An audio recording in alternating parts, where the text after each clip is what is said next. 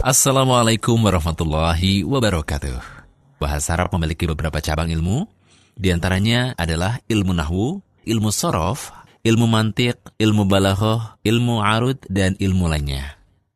Namun di antara banyak cabang ilmu bahasa Arab, ada dua ilmu yang harus dikuasai oleh pemula, yakni ilmu nahwu dan ilmu sorof. Dengan mempelajari ilmu nahwu dan ilmu sorof, insya Allah kita bisa membuat kalimat dalam bahasa Arab yang benar sesuai dengan kaidah-kaidah bahasa Arab. Adapun ilmu-ilmu lainnya seperti ilmu mantik, ilmu balaghah, dan ilmu arud sudah tidak lagi membicarakan cara membuat kalimat yang benar dalam bahasa Arab. Tetapi sudah sampai pada cara membuat kalimat dengan indah, baik susunannya maupun maknanya. Jadi, sebagai pemula, kita wajib untuk menguasai ilmu nahwu dan ilmu sorof. Pada dasarnya, ilmu sorof adalah bagian dari ilmu nahwu. Lalu apa perbedaan ilmu nahwu dan ilmu sorof? Ilmu nahwu adalah ilmu yang mempelajari struktur kalimat bahasa Arab. Sedangkan ilmu sorof adalah ilmu yang mempelajari perubahan kata dari satu bentuk ke bentuk yang lainnya. Secara sederhana kita bisa mengatakan bahwasanya ilmu sorof itu menyediakan kata-katanya, sedangkan ilmu nahwu itu memberikan kita kaidah bagaimana cara menyusun kalimat yang benar, termasuk di dalamnya cara memberi harokat yang benar. Karena di dalam bahasa Arab, perbedaan harokat juga bisa menyebabkan perbedaan makna. Pada pelajaran pertama, kita telah mempelajari bahwa ilmu sorof adalah ilmu yang mempelajari perubahan kata dari suatu bentuk ke bentuk yang lainnya. Ada baiknya sebelum mempelajari perubahan kata, kita terlebih dahulu memahami pembagian kata atau jenis-jenis kata dalam bahasa Arab. Dalam bahasa kita, bahasa Indonesia, kita sering mendengar istilah kata kerja, kata benda, kata bantu, kata tanya, kata hubung, kata sambung, dan penamaan kata yang lainnya. Dalam bahasa Arab, semua kata itu terbagi menjadi tiga. Yang pertama, fi'il, kedua isim, dan yang ketiga, huruf. Mari kita bahas satu persatu tiga jenis kata ini. Yang pertama, fi'il. Secara sederhana, kita bisa mengatakan bahwa fi'il adalah kata kerja. Contohnya, dhahaba, telah pergi. Qoro'a, telah membaca. Kataba, telah menulis. Namun pada pelajaran yang lebih lanjut, nantinya kita akan mengenali tidak semua fi'il adalah kata kerja.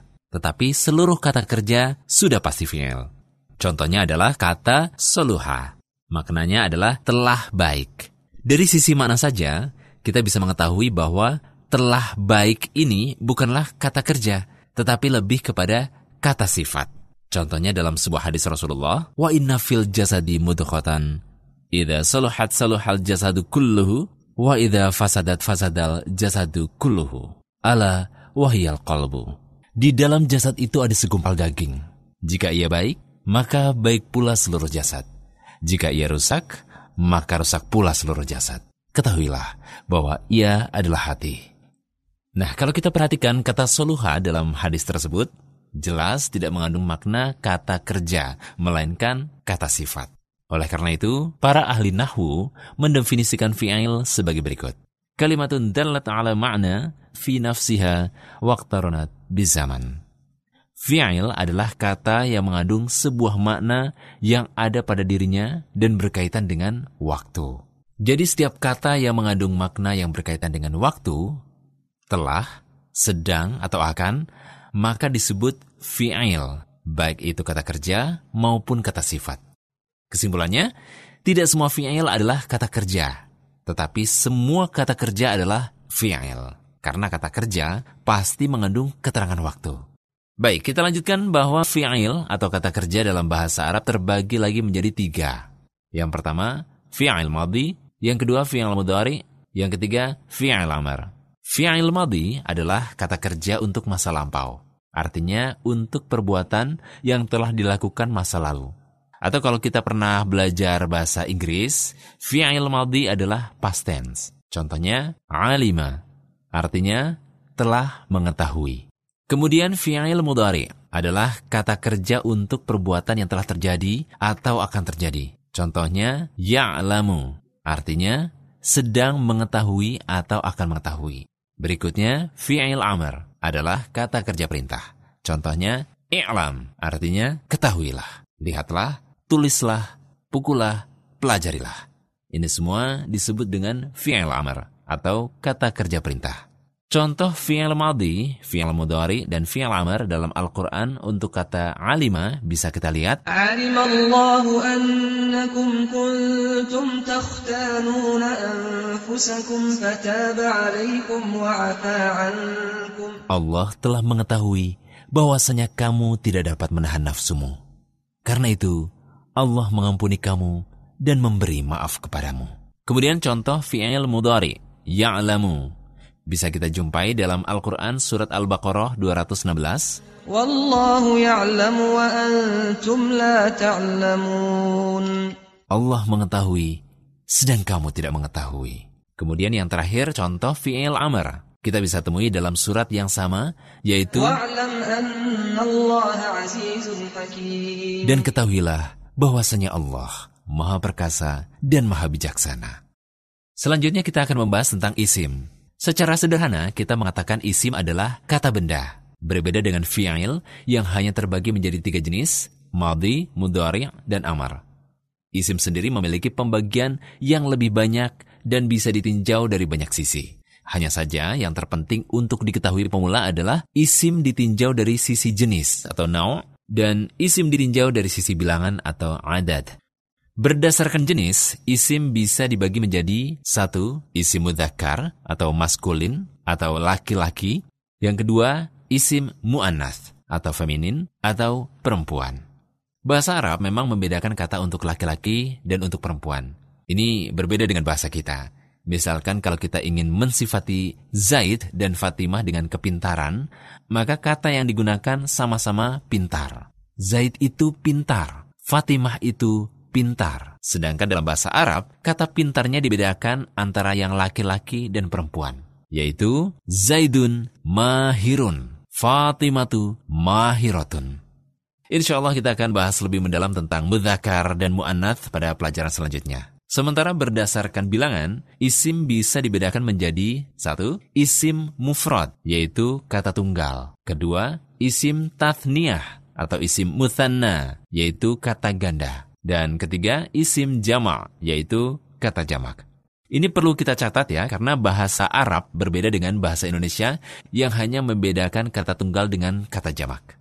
Bahasa Arab ada kata tunggal, kata ganda, dan kata jamak. Yang disebut jamak dalam bahasa Arab adalah kata yang lebih dari dua.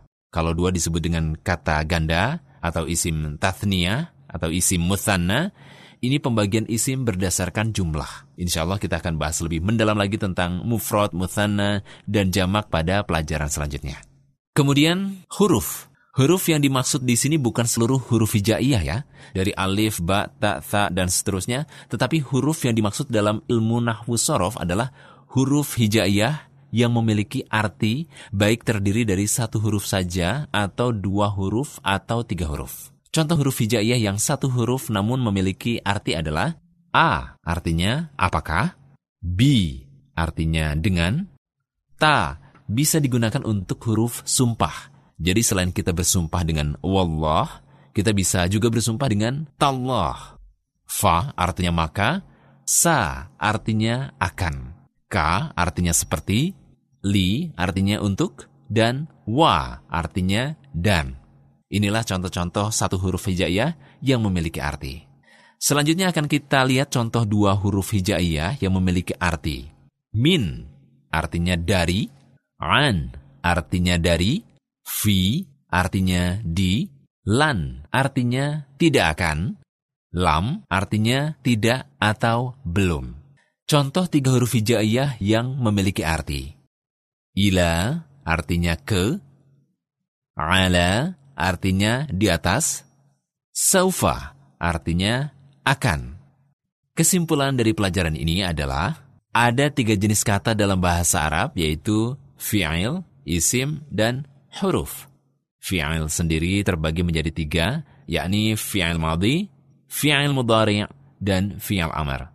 Fi'il madhi adalah kata kerja untuk perbuatan yang telah lalu atau past tense, Fi'al mudhari adalah kata kerja untuk perbuatan yang sedang berlangsung atau akan berlangsung di masa yang akan datang, present continuous tense, dan future tense. Kemudian, fi'il amar adalah kata kerja perintah. Isim banyak sekali jenisnya, namun untuk pemula yang harus diketahui, yang wajib dipahami pembagian isim berdasarkan bilangan, ada isim mufrad atau kata tunggal, ada isim tathniyah atau kata ganda, dan ada isim jama' atau jamak. Kemudian isim berdasarkan jenis ada isim mudhakar atau laki-laki, ada isim mu'anath, perempuan. Terakhir, huruf. Huruf yang dimaksud dalam ilmu nahwu adalah huruf hijaiyah baik satu, dua, atau tiga huruf yang memiliki makna khusus. Tak kenal, maka tak sayang. Begitulah kata pepatah. Sebagai pemula dalam bahasa Arab, barangkali penguasaan kosakata kita masih sedikit ya, sehingga banyak kata yang tidak kita ketahui artinya. Oleh karena itu, penting bagi pemula untuk mengetahui dan membedakan mana fi'il, isim, dan huruf bila dilihat dari tanda-tandanya. Jadi tanpa mengetahui maknanya pun, kita akan tahu bahwa kata tersebut adalah fi'il, isim atau huruf. Baik, yang pertama kita akan bahas tanda-tanda fi'il. Yang pertama, didahului oleh huruf qad. Artinya, sungguh dan juga terkadang.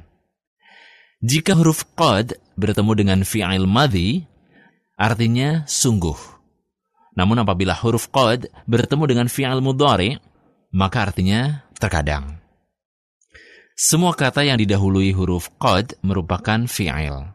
Contohnya, dalam lafaz iqamah. Qad qamatis sholah. Maka lafaz qamat merupakan fi'il.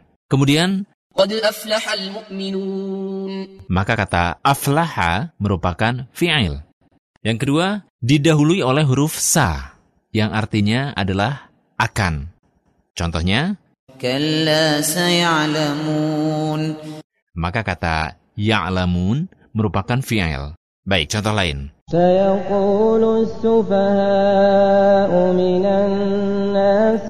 Maka kata yakul merupakan fi'il.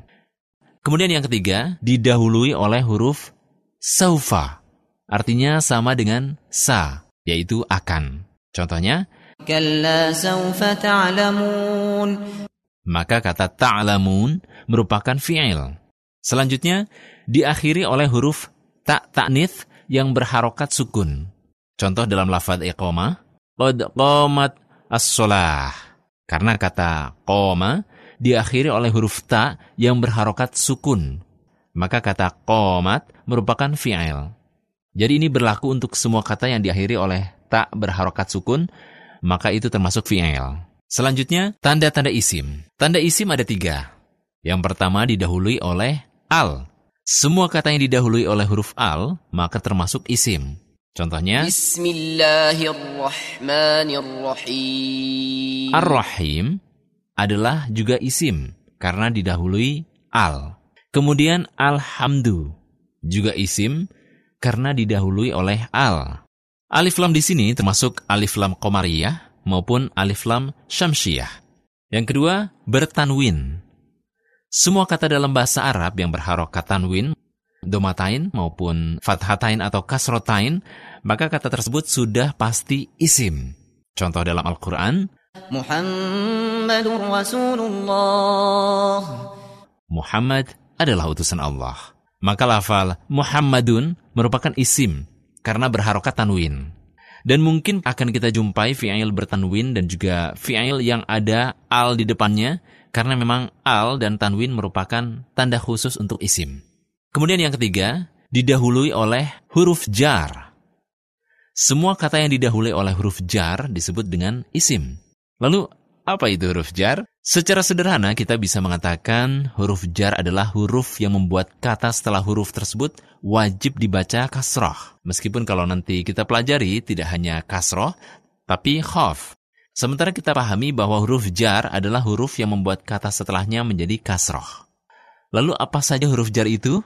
Huruf jar ada banyak ya, di antaranya min yang maknanya dari. Contohnya dalam Al-Quran, Minallahi dzil ma'arij. Maka lafaz Allah lafzul jalalah merupakan isim karena didahului oleh min. Maka lafaz Allah merupakan lafaz yang agung termasuk isim. Kemudian huruf selanjutnya adalah ila, artinya adalah ke. Contohnya dalam Al-Quran. Dan kepada langit, bagaimana dia diangkat? Kenapa as-sama'i dibaca kasroh? Karena didahului oleh huruf jar. Maka as-sama'i merupakan isim. Kemudian huruf jar yang selanjutnya adalah an. Artinya sama dengan min, yaitu dari. Contohnya dalam Al-Quran.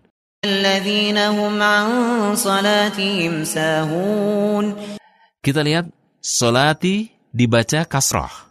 Kenapa? Karena didahului oleh huruf an. Dan karena solati didahului oleh huruf an, maka solati merupakan isim.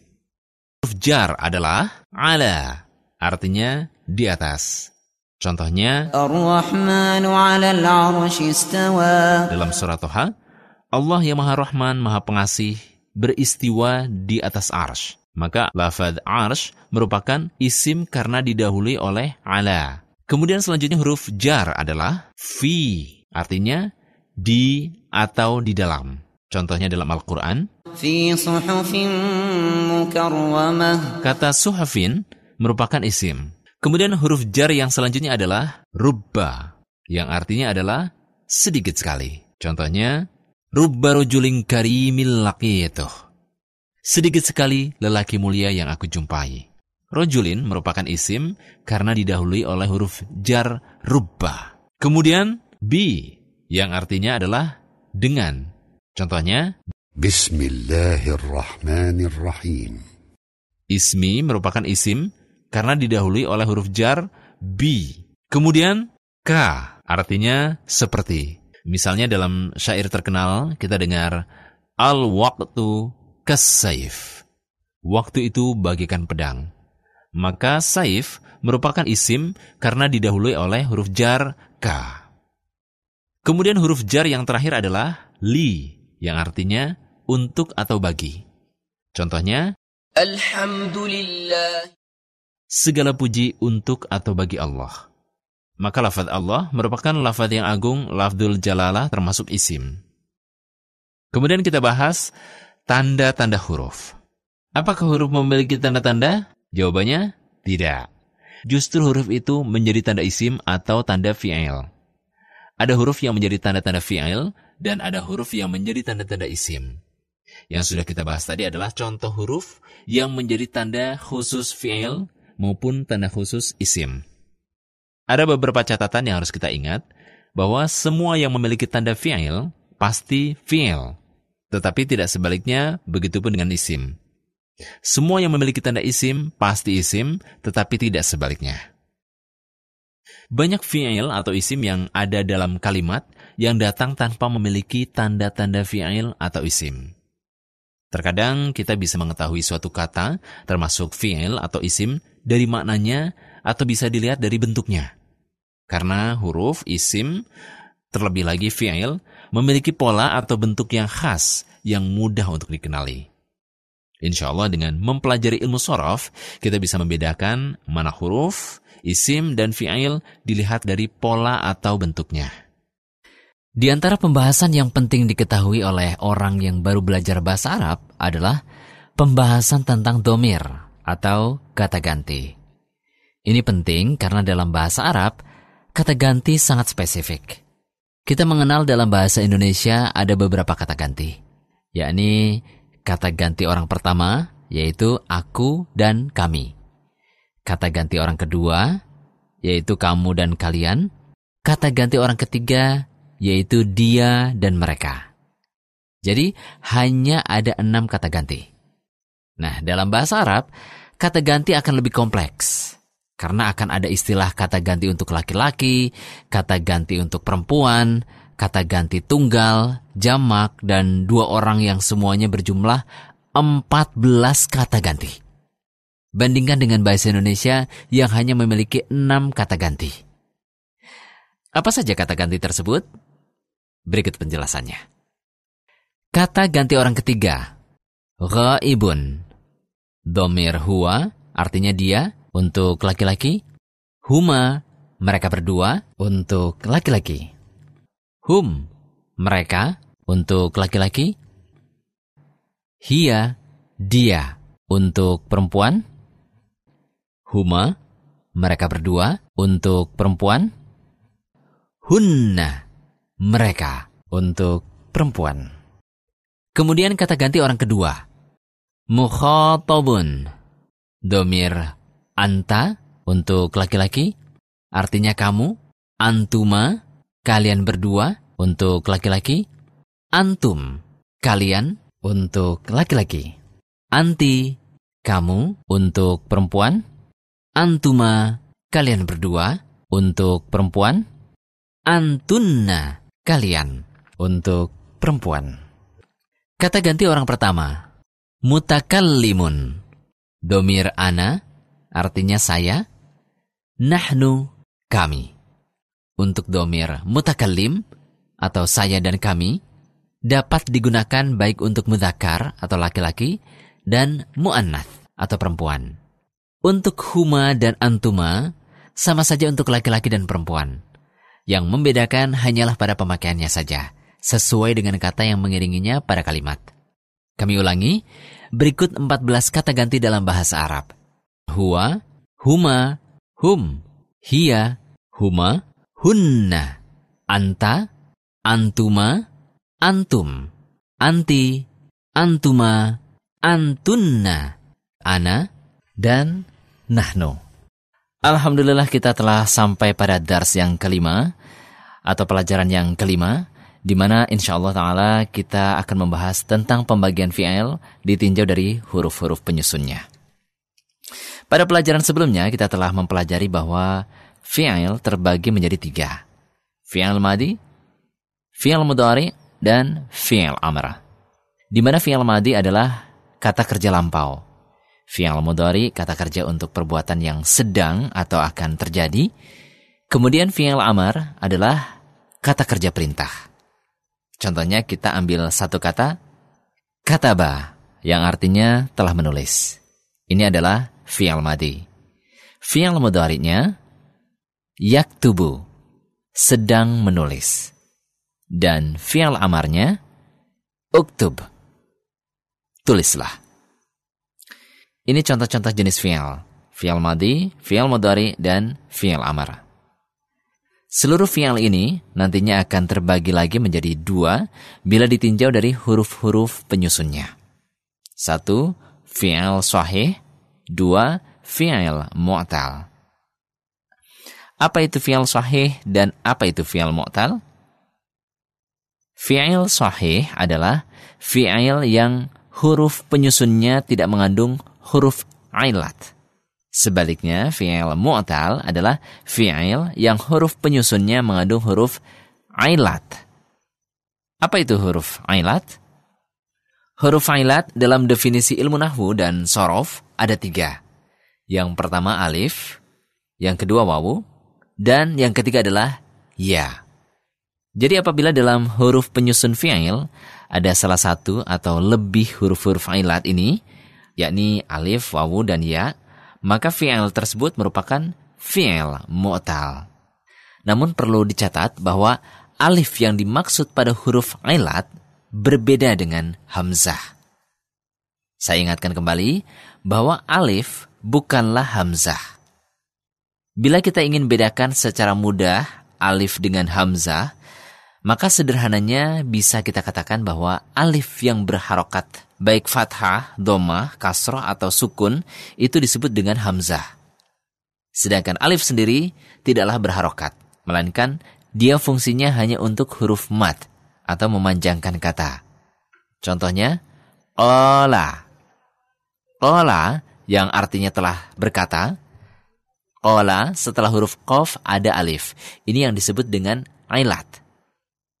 Adapun pada contoh akala, yang artinya telah makan, maka itu bukan alif, melainkan hamzah. Sehingga kita boleh mengatakan qala sebagai fi'il mu'tal karena ada huruf ailatnya atau alif. Tetapi kita tidak boleh mengatakan akala sebagai fi'il mu'tal karena itu bukan alif, melainkan hamzah. Contoh lain untuk fi'il sahih sangat banyak. Dan memang sebagian besar fi'il itu sahih. Artinya tidak mengandung huruf ilat. Di antaranya, kataba, menulis. Qara'a, membaca. Sami'a, mendengar. Hamida, memuji. Hasuna, baik. Jamula, bagus. Adapun contoh fi'il mu'tal yang pertama tadi sudah saya sebutkan. Qala. Di mana mu'talnya? Setelah huruf qaf ada alif. Maka qala disebut dengan fi'il mu'tal. Fi'il mu'tal ini ada yang huruf ilatnya di depan, di tengah, dan di akhir. Contohnya, di depan, wa'ada, berjanji. Wado'a, meletakkan. Sementara di tengah, soma, berpuasa. Qama, berdiri. Di belakang, da'a, berdoa. Bana, membangun. Perhatikan bahwa semua fi'al tersebut mengandung huruf ilat. Lalu, apa manfaat kita mengetahui suatu fi'al itu sahih atau mu'tal? Manfaatnya adalah, dengan mengetahui suatu fi'il sahih atau mu'tal, maka kita akan mengetahui tasrifnya atau pola perubahan kata. Kenapa? Karena tasrif fi'il sahih dengan tasrif fi'il mu'tal itu berbeda. Perhatikan ilustrasi berikut.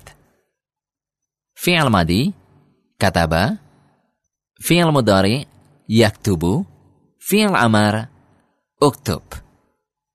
Fi'il madi qala, fi'il mudari, yaqulu, fi'il amar, qul. Kataba, fi'il madi, fi'il mudarinya adalah yaktubu.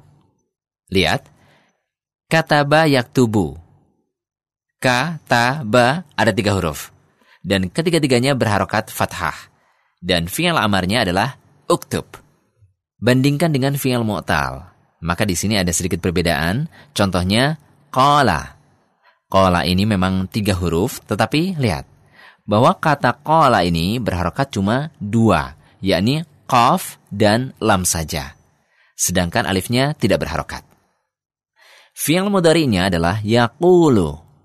Padahal kalau mengikuti yaktubu, seharusnya menjadi yakwulu. Begitu pula fi'il amarnya. Apabila mengikuti uktub, maka seharusnya menjadi ukwul. Nah, ini salah satu manfaatnya kita mempelajari fi'il sahih dan fi'il mu'tal. Di mana nanti akan kita pelajari bahwa perubahan kata pada fi'il mu'tal tidaklah sama antara satu kata dengan kata yang lain. Berbeda dengan fi'il sahih yang sudah ada aturan bakunya.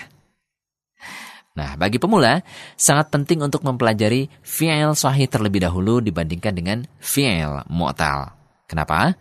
Karena fi'il sahih rumusnya seragam. Sedangkan fi'il mu'tal, meskipun ada rumusnya, akan tetapi tidak seragam. Kesimpulan dari pelajaran kali ini bahwa fi'il ditinjau dari huruf penyusunnya terbagi menjadi fi'il sahih dan fi'il mu'tal. Fi'il sahih adalah fi'il yang huruf penyusunnya tidak mengandung huruf alif, wawu, dan ya. Sedangkan fi'il mu'tal adalah fi'il yang huruf penyusunnya mengandung huruf alif, wawu, dan ya. Alhamdulillah kita telah sampai kepada dars yang keenam, di mana insya Allah pada dars keenam ini kita akan mempelajari tentang isim mudakar dan isim mu'annath, yakni pembagian isim berdasarkan jenisnya. Berbeda dengan bahasa Indonesia, Bahasa Arab mengenal pengelompokan kata berdasarkan jenis apakah ini untuk laki-laki, gentle atau mudhakar, atau untuk perempuan, feminin atau mu'annath. Misalnya kalau orang Arab mau mengatakan Zaid itu pintar. Zaidun mahirun. Adapun kalau ingin mengatakan Fatimah itu pintar, Fatimah tu mahirotun. Lihatlah, ada tambahan huruf tak marbutoh bila itu untuk wanita. Ini berbeda dengan bahasa Indonesia yang tidak membedakan kata pintar untuk laki-laki maupun perempuan. Kita tidak mengatakan Zaid itu pintar dan Fatimah itu pintaroh. Lalu apa saja yang termasuk isim mudakar dan isim mu'annath? Berikut pembahasannya. Pembahasan isim mudakar. Secara bahasa, isim mudakar artinya adalah laki-laki. Sedangkan menurut istilah, isim mudakar adalah istilah atau terminologi untuk kata-kata yang masuk ke dalam jenis laki-laki atau gentle. Ada dua kelompok yang masuk isim mudakar. Yang pertama, laki-laki sungguhan, yaitu nama yang digunakan untuk laki-laki. Seluruh nama yang digunakan untuk laki-laki maka termasuk mudakar. Contohnya, Zaid, Ahmad, Yusuf, dan Nuh. Semua nama ini merupakan mudakar. Begitu juga dengan nama Usama dan Tolhah. Meskipun dua nama tersebut ada tamar butoh di belakangnya, tetapi karena nama ini digunakan untuk laki-laki, maka Usama dan Tolhah termasuk mudakar. Ini jenis pertama dari isi mudakar. Yang kedua, dianggap laki-laki. Yaitu semua kata dalam bahasa Arab yang tidak mengandung tamar butoh hukum asalnya adalah mudakar. Contohnya, kitabun, buku, kolamun, pena, thawbun, baju. Karena ketiga kata di atas tidak ada tamar butohnya, maka kata tersebut adalah mudakar. Ini adalah definisi sederhana dari mudakar. Pembahasan isim mu'anath Mu'anath secara bahasa artinya adalah perempuan. Jadi pada dasarnya isi mu'anath adalah kata yang masuk ke dalam kategori perempuan. Sama seperti isi mudakar. Secara umum kita bisa membagi menjadi dua kelompok. Yang pertama, perempuan sungguhan, yaitu nama yang digunakan untuk perempuan. Contohnya, Aisyah, Khadijah, Fatimah. Begitu juga nama perempuan berikut ini sekalipun tidak diakhiri tamar butoh. Hindun, Zainab, Maryam. Yang kedua, dianggap perempuan, yaitu seluruh isim dalam bahasa Arab yang diakhiri dengan tamar butoh, maka isim tersebut hukum asalnya adalah mu'annath. Contohnya, madrasatun, sekolah. Jami'atun, universitas. Mirwahatun, kipas angin. Nafidatun, jendela. Seluruh kata ini mengandung tamar butoh, maka ini termasuk mu'anath. Pengecualian. Seperti disebutkan, hukum asalnya, bila kata tidak diakhiri tamar butoh, maka ia mudhakar. Sebaliknya, bila diakhiri tamar butoh, maka ia mu'anath. Namun ada beberapa kata yang termasuk pengecualian. Di antaranya yang masyur, yang pertama, anggota tubuh manusia yang berpasangan dihukumi mu'anath sekalipun tidak ada tamar butohnya. Rijlun, kaki. Yadun, tangan. Udunun, telinga. Ainun, mata. Yang kedua, nama kota atau negara seluruhnya dihukumi mu'anath. Indonesia, Misra, Jakarta. Isim mustaq dan isim jamit. Apa itu isim mustaq dan apa itu isim jamit? Baik, kita akan jelaskan satu persatu. Isim mustaq adalah isim yang memiliki asal-usul tasrif atau perubahannya. Jadi kalau kita telusuri, dia memiliki akar katanya.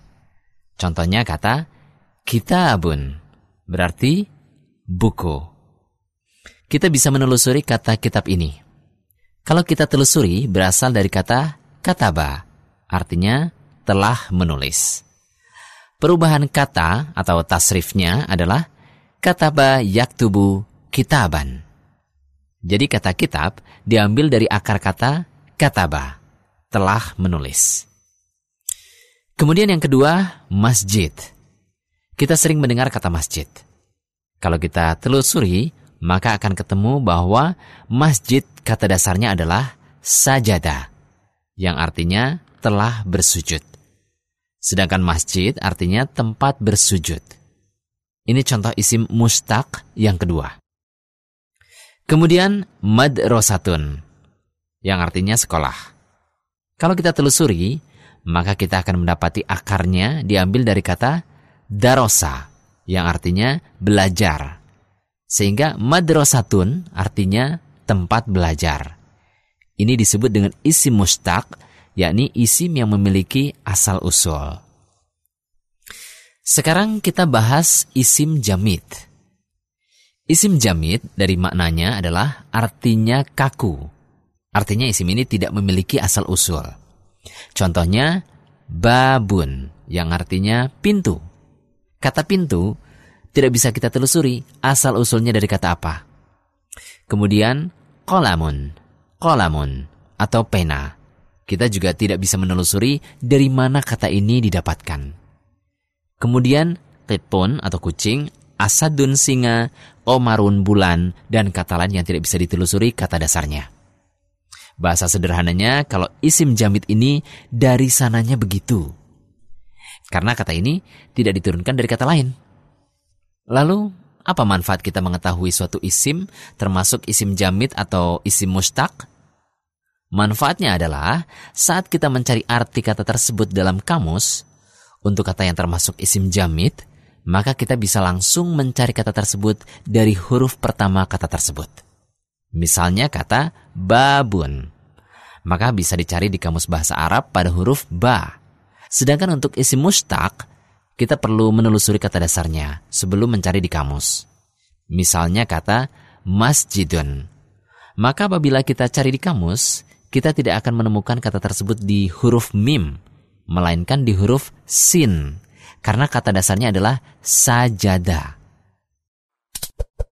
Assalamualaikum warahmatullahi wabarakatuh. Dars 8, Mufrad, Tathniyah, dan Jamak.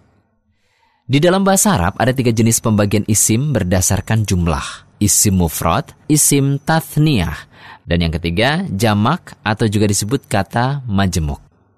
Jadi yang disebut jamak bukan lebih dari satu, tetapi lebih dari dua. Kalau untuk dua sendiri, itu punya istilah khusus, yakni isim tathniyah. Kita akan bahas satu persatu pembagian isim berdasarkan jumlah di bawah ini. Yang pertama, isim mufrad. Isim mufrad atau kata tunggal adalah asal dari seluruh bentuk. Artinya pada dasarnya, seluruh kata nantinya akan merujuk pada isim mufrad ini. Tathniyah adalah perubahan dari mufrad. Kemudian jamak adalah versi jamak dari isim mufrad. Oleh karena itu, supaya mudah nanti ada kaidahnya atau rumusnya. Kata tunggal yang sering kita temui di dalam percakapan sehari-hari dijelaskan dalam tabel di bawah ini. Kolamun, sebuah pulpen. Kitabun, sebuah buku. Muslimun, orang Islam atau seorang muslim. Muslimatun, seorang muslim tapi untuk wanita, yaitu disebut seorang muslimah. Mukminun, seorang yang beriman mukminatun, seorang yang beriman untuk wanita atau disebut mukminah. Jadi dalam bahasa Arab dibedakan antara yang mudzakkar dengan yang mu'anath dengan cara memberi tak marbutohnya. Contoh untuk mudzakkar, muslimun. Dengan cara memberi tak marbutoh menjadi muslimatun. Kata mukminun begitu ditambah tak marbutoh menjadi mukminatun. Sedangkan kata kolamun dan kata kitabun ini termasuk isim li ghairi aqil atau untuk sesuatu yang tidak berakal. Bahasa sederhananya ini adalah kata benda. Adapun muslimun, kemudian mukminun ini termasuk lil aqil, artinya berakal. Nama-nama ini atau sifat-sifat ini digunakan untuk manusia. Kita perlu mengetahui adanya istilah lil aqil, ada pula kata-kata yang masuk ke li aqil, yakni kata-kata yang tidak berakal. Ini penting untuk bisa mengetahui rumus perubahan dari isim mufrad ke tathniyah dan jamak. Karena ada sedikit perbedaan antara perubahan dari isim mufrad ke jamak untuk lil akil dan untuk li akil. Insya Allah kita akan bahas kemudian. Yang kedua, isim tathniyah atau kata ganda. Rumus merubah dari isim mufrad ke tathniyah, alhamdulillah sangatlah mudah. Dan ini berlaku untuk seluruh jenis kata, baik yang mudakar maupun yang muannas apakah dia lil akil maupun li akil. Ada dua cara untuk merubah isi mufrad ke tathniyah, yakni dengan menambah ani atau aini.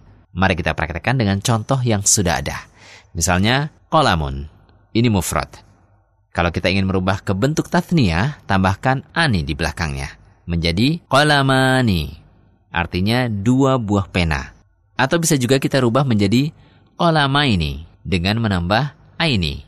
Untuk lebih jelasnya, lihat tabel di bawah ini. Kitabun ditambahkan ani di belakangnya menjadi kitabani atau ditambahkan aini di belakangnya menjadi kitabaini. muslimun menjadi muslimani atau muslimaini.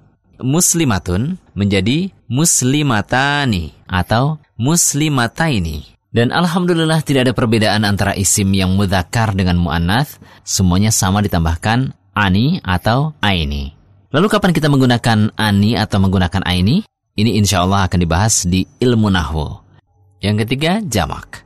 Berbeda dengan tathniyah, maka untuk jamak ini ada perbedaan untuk jamak lil aqil dan jamak lil ghairi aqil. Jamak lil aqil pada dasarnya ada dua, jamak mudhakar salim dan jamak mu'annath salim. Dan kalau untuk lil ghairi aqil, maksudnya kata benda, umumnya jamaknya adalah jamak taksir.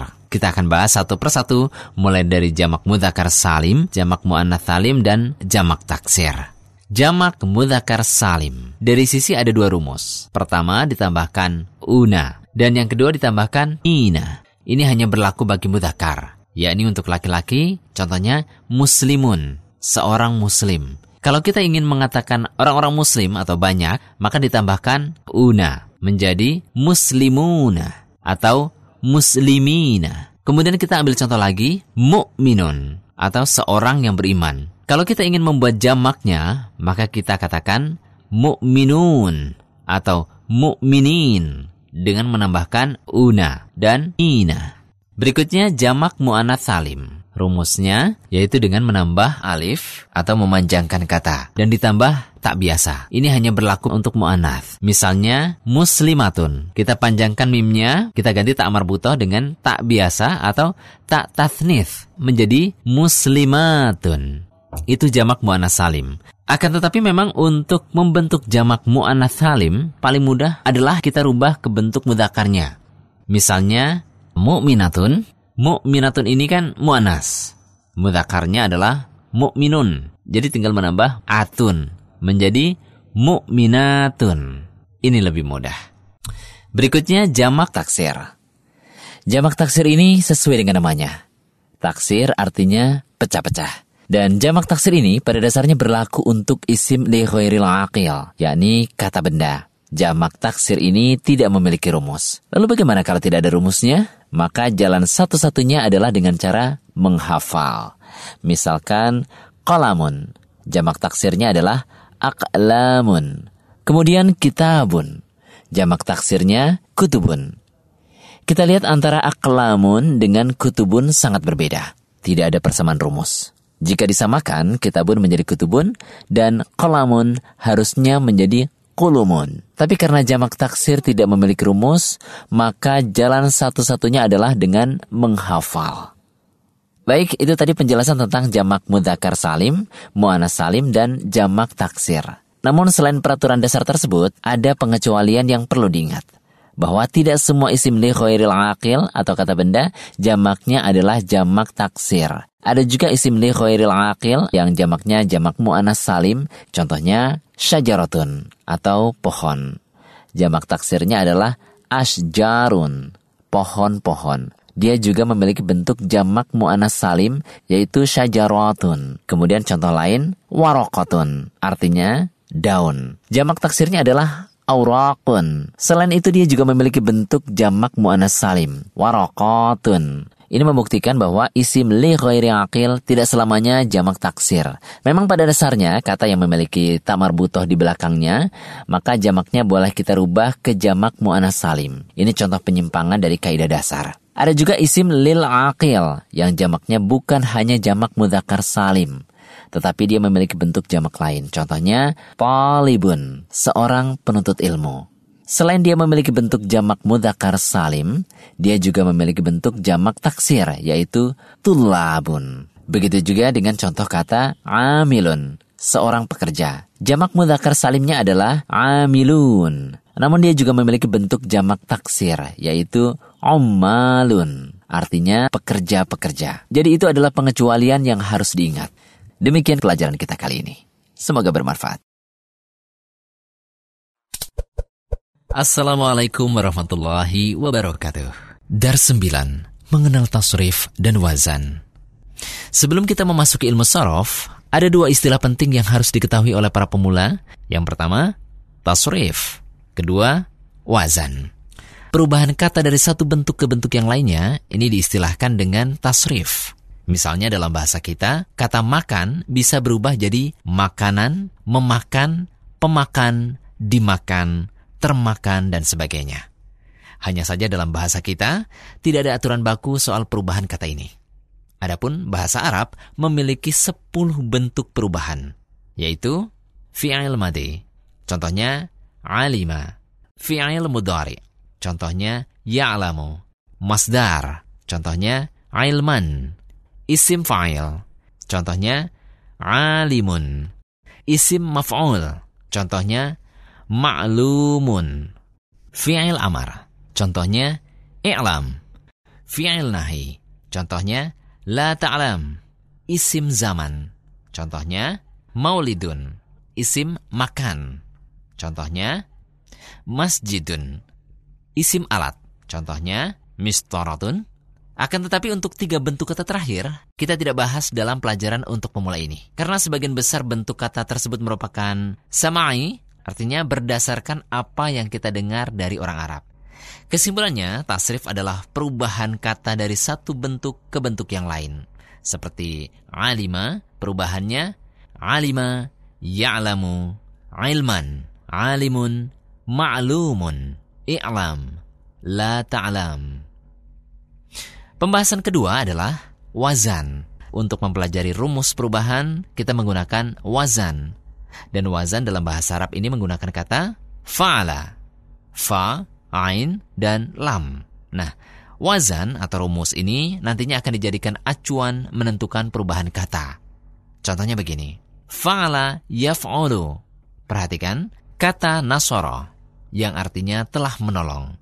Ketika kata nasoro telah ditetapkan memiliki bentuk fa'ala yaf'ulu, maka kita harus mengikuti perubahan kata nasoro sesuai dengan kaidah wazan fa'ala yaf'ulu. Berarti nasoro yansuru. Perhatikan, fa'ala yaf'ulu. Nasara yansuru.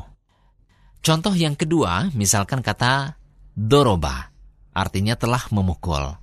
Doroba ini mengikuti wazan fa'ala yaf'ilu.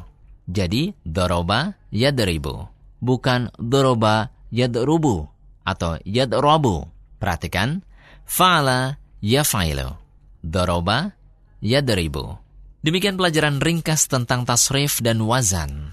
Semoga bermanfaat. Assalamualaikum warahmatullahi wabarakatuh. Dar 10 Wazan-wazan tasrif. Perlu diketahui bahwa dari ribuan kata kerja dalam bahasa Arab, semuanya bisa dikelompokkan menjadi 35 pola perubahan atau wazan, yang mana seluruh fi'il pasti akan mengikuti salah satu dari 35 rumus ini. Namun Alhamdulillah, dari 35 wazan ini, yang umum digunakan di dalam percakapan sehari-hari hanya 22 wazan saja. 22 wazan ini terbagi menjadi dua kelompok besar, yaitu thulati dan rubai. Thulati adalah kelompok kata atau kelompok fi'il yang huruf penyusunnya ada tiga. Contohnya, kataba, kataba. Kemudian rubai, merupakan kelompok fi'il yang huruf penyusunnya ada empat.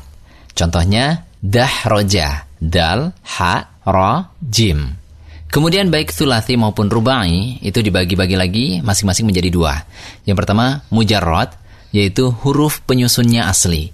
Baik terdiri dari tiga huruf, thulathi, maupun empat huruf, atau rubai. Yang kedua, mazid, yaitu terdiri dari huruf asli. Kemudian terdapat huruf tambahan, baik huruf aslinya ada tiga, tulati, atau empat, rubai. Adapun contohnya sebagai berikut. Thulati mujarrad, yaitu kata yang tersusun dari tiga huruf asli, seperti karuma, alima. Kata-kata ini adalah thulati mujarrad, artinya memang terdiri dari tiga huruf asli. Kemudian thulati mazid, yaitu kata yang terdiri dari tiga huruf asli dan huruf tambahan. Seperti misalnya, allama. Karena kata allama berasal dari asal kata alima yang merubah menjadi tasdid. Maka ini adalah thulathi mazid. Contoh yang lain adalah kata akroma. Kata ini berasal dari kata karuma yang ditambah huruf alif. Jadi contoh thulathi mujarrad adalah alima dan karuma. Sedangkan thulathi mazidnya adalah alama dan akroma. Nah, itu tadi contoh tentang thulathi majarrad dan thulathi mazid. Sedangkan untuk ruba'i mujarrad dan ruba'i mazid, penjelasannya sama. Hanya saja jumlah huruf aslinya ada empat. Contoh untuk ruba'i mujarrad adalah kata dahroja. Semua huruf penyusunnya, dal, ha, ro, ja adalah huruf asli. Jadi ini adalah ruba'i mujarrad. Kemudian contoh untuk ruba'i mazid adalah kata tadahroja. Karena berasal dari kata dahroja yang ditambah huruf ta di depannya. Baik, demikianlah pembahasan dars yang ke-10. Semoga bermanfaat. Bisa belajar Islam dan bahasa Arab. Inna anzalnahu Qur'anan Arabiyyan la'allakum ta'qilun. Sesungguhnya kami menurunkannya berupa Al-Quran dengan berbahasa Arab agar kamu memahaminya. Assalamualaikum warahmatullahi wabarakatuh. Dar 11 Wazan fi'al madhi dan mudhari' untuk thulathi mujarrad. Perlu diketahui bahwasanya thulathi mujarrad ada enam bab. Artinya ada enam rumus atau wazan. Seluruh kata kerja yang tersusun dari tiga huruf pasti akan mengikuti salah satu dari enam wazan ini. Tapi sebelum itu kita harus mengetahui dulu tentang wazan fi'il madhi dan fi'il mudhari untuk thulathi mujarrad. Hal ini karena wazan-wazan fi'il dari thulathi mujarrad yang jumlahnya ada enam itu merupakan kombinasi dari fi'il madhi dan fi'il mudhari. Baik, kita bahas yang pertama adalah fi'il madhi.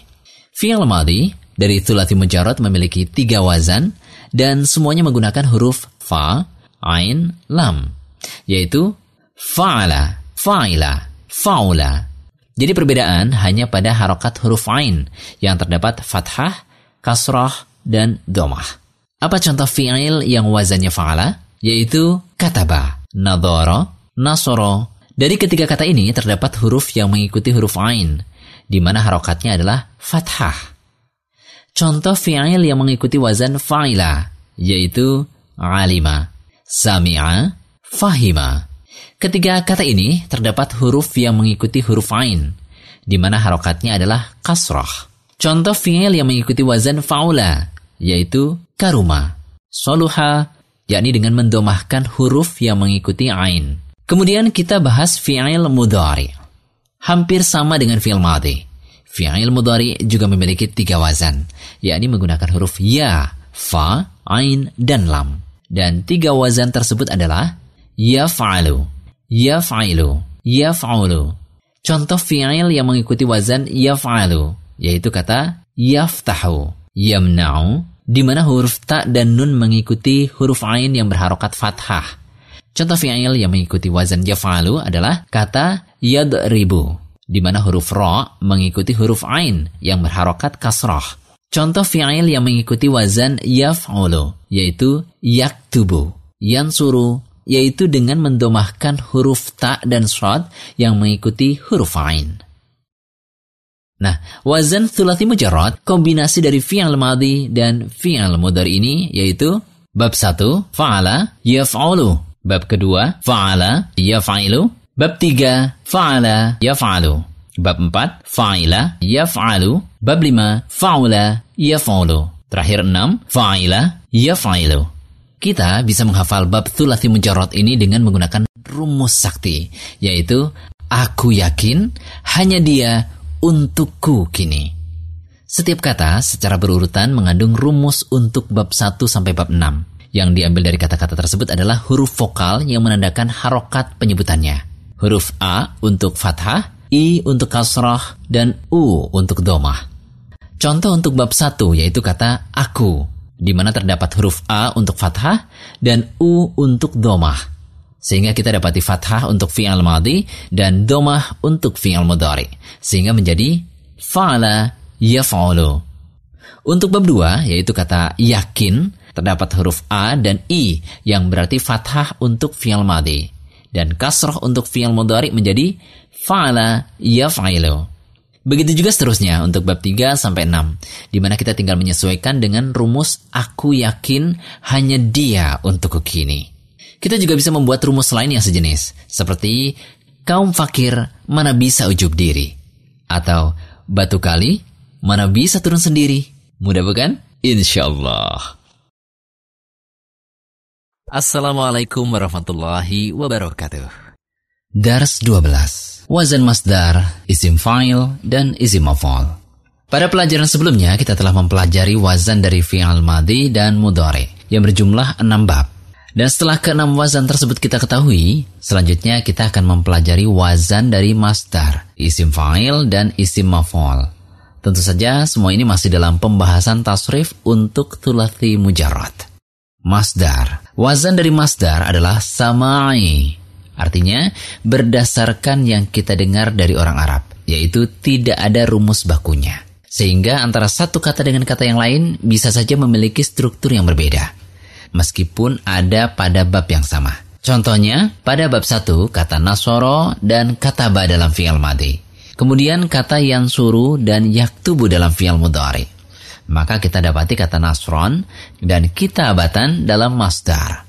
Mari kita perhatikan bentuk masdar dari kedua kata ini. Untuk kata nasoro, masdarnya adalah nasron. Untuk kata ba, masdarnya adalah kita abatan. Sebagai catatan tambahan, perlu diingat bahwa masdar adalah bentuk benda dari kata kerja. Untuk kata kerja menolong, maka masdarnya adalah pertolongan. Untuk kata kerja menulis, maka masdarnya adalah tulisan. Nah, sekarang kita perhatikan antara nasron dengan kitabatan jauh sekali. Tidak ada kemiripan antara keduanya. Ini karena masdar bukan tersusun berdasarkan rumus. Lalu bagaimana cara mengetahui masdar dari suatu fi'il? Tiada jalan lain selain menghafalnya atau mengeceknya di kamus bahasa Arab. Selanjutnya kita bahas tentang isim fa'il. Ini digunakan untuk pelaku, artinya orang yang berbuat atau yang kita kenal dengan subjek. Kemudian rumus untuk isim fa'il sangat mudah, yakni sesuai dengan namanya fa'ilun. Contohnya kata nasoro, nadhoro dalam fi'il madhi. Maka untuk isim fa'il menjadi nasirun, nadhirun. Kemudian kita bahas isim maf'ul. Rumusnya sesuai dengan namanya. Maf'ulun. Isim maf'ul sendiri dari sisi makna adalah korban atau objek. Contoh penggunaan rumus maf'ulun adalah fataha maka menjadi maftuhun. Nadoro maka menjadi manzurun seperti itulah rumus dari isi maf'ul. Jadi insya Allah mudah bukan? Sekarang mari kita berikan contoh tasrif dari bab 1 sampai bab 6 kita ambil contoh kataba. Berarti tasrifnya kataba yaktubu kitabatan. Katibun maktubun. Kata doroba. Tasrifnya doroba yadribu dorban, doribun, madrubun. Kata fataha. Berarti tasrifnya fataha yaftahu fathan, fatihun maftuhun.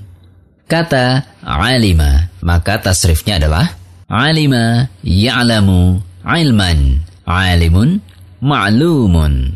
Kata koruba, koruba yaqrubu kurbatan, Nah, khusus untuk bab kelima ini, ada sedikit keanehan dalam tasrifnya. Kenapa? Karena pada dasarnya, fi'il-fi'il bab kelima itu bukan kata kerja, tetapi kata sifat. Contohnya, koruba, artinya telah dekat. Ini bukan kata kerja. Karena ia kata sifat, maka isim fa'il dan isim maf'ulnya tidak ada. Karena secara makna tidak cocok. Misalnya, koruba, artinya telah dekat. Tidak mungkin kalau kita katakan isi maf'ulnya makrubun, yang didekati. Karena kalau yang didekati, maka fi'al madinya bukan dekat, tetapi mendekati. Di bab 5 ini ada sifat musyabbahah atau sifat yang diserupakan isim fa'il. Contohnya, qaruba. Sifat musyabbahahnya adalah qaribun, dekat.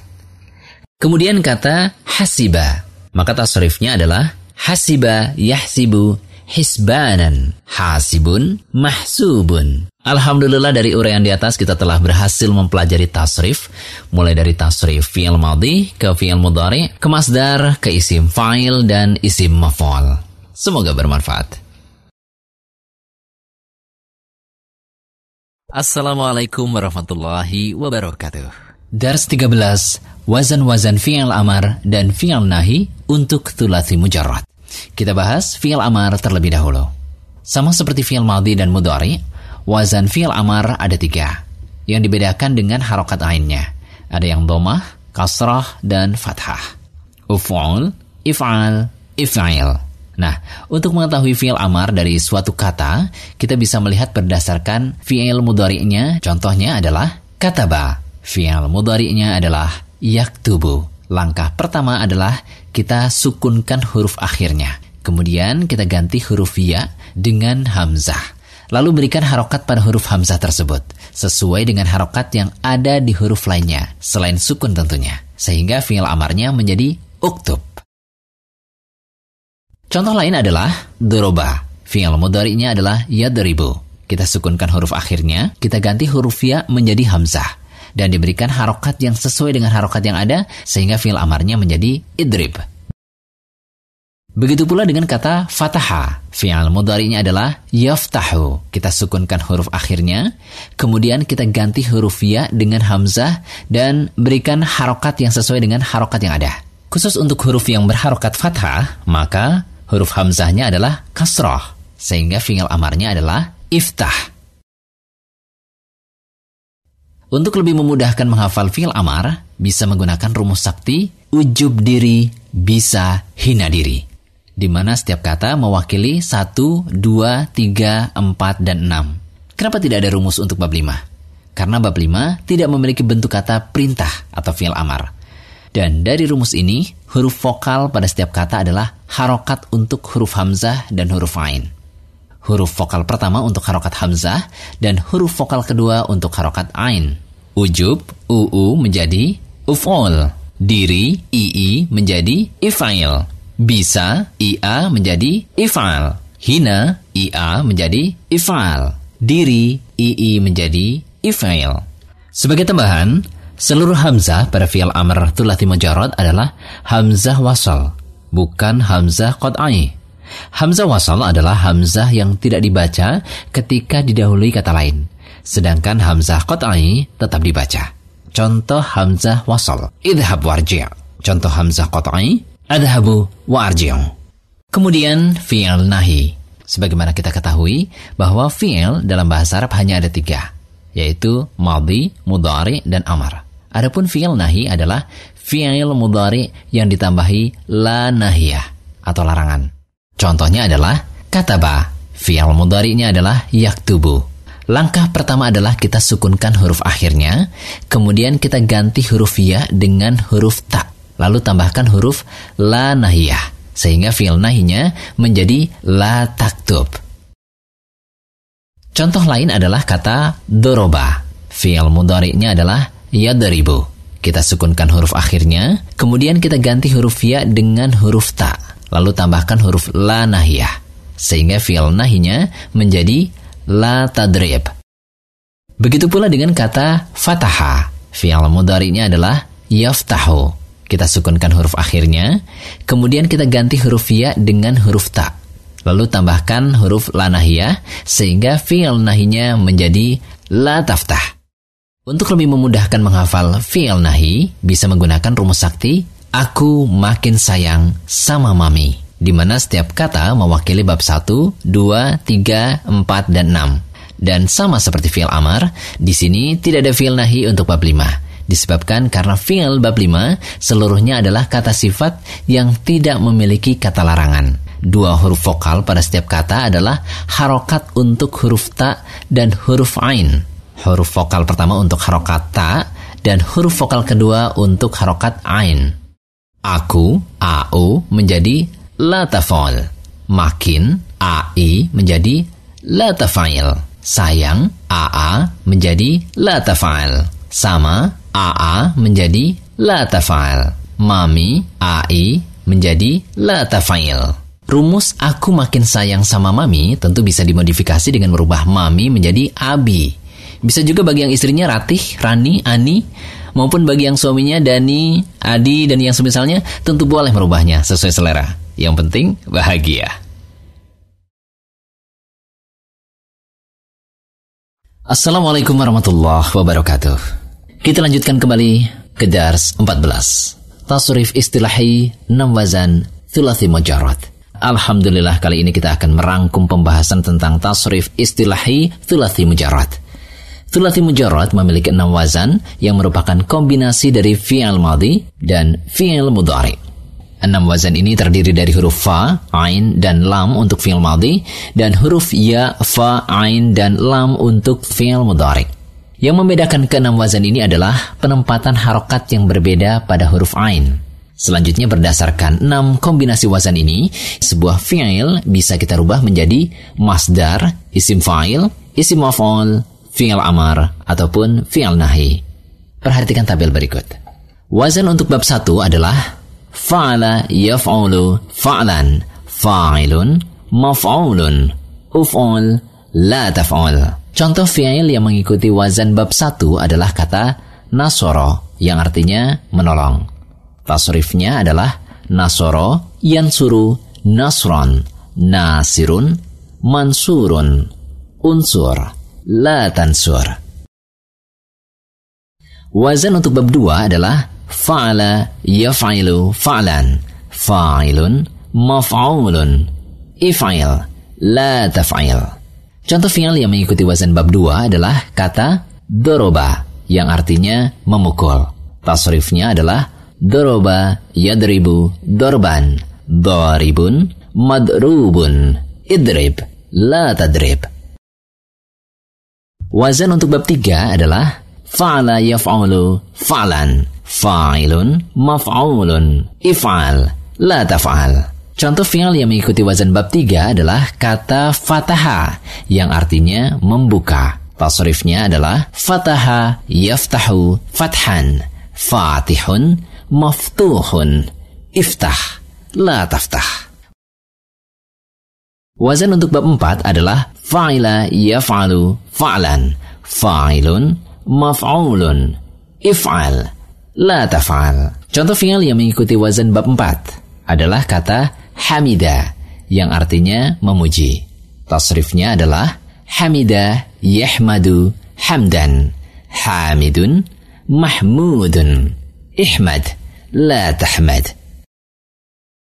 Kemudian khusus wazan untuk bab 5 hanya ada fa'ula, yaf'ulu, dan fa'lan.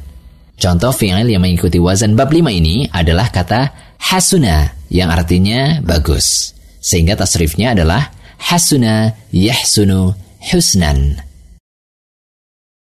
Terakhir wazan untuk bab 6 adalah fa'ila yaf'ilu fa'lan, fa'ilun, maf'ulun, if'il, la taf'il. Contoh fi'al yang mengikuti wazan bab 6 adalah kata hasiba yang artinya menghitung.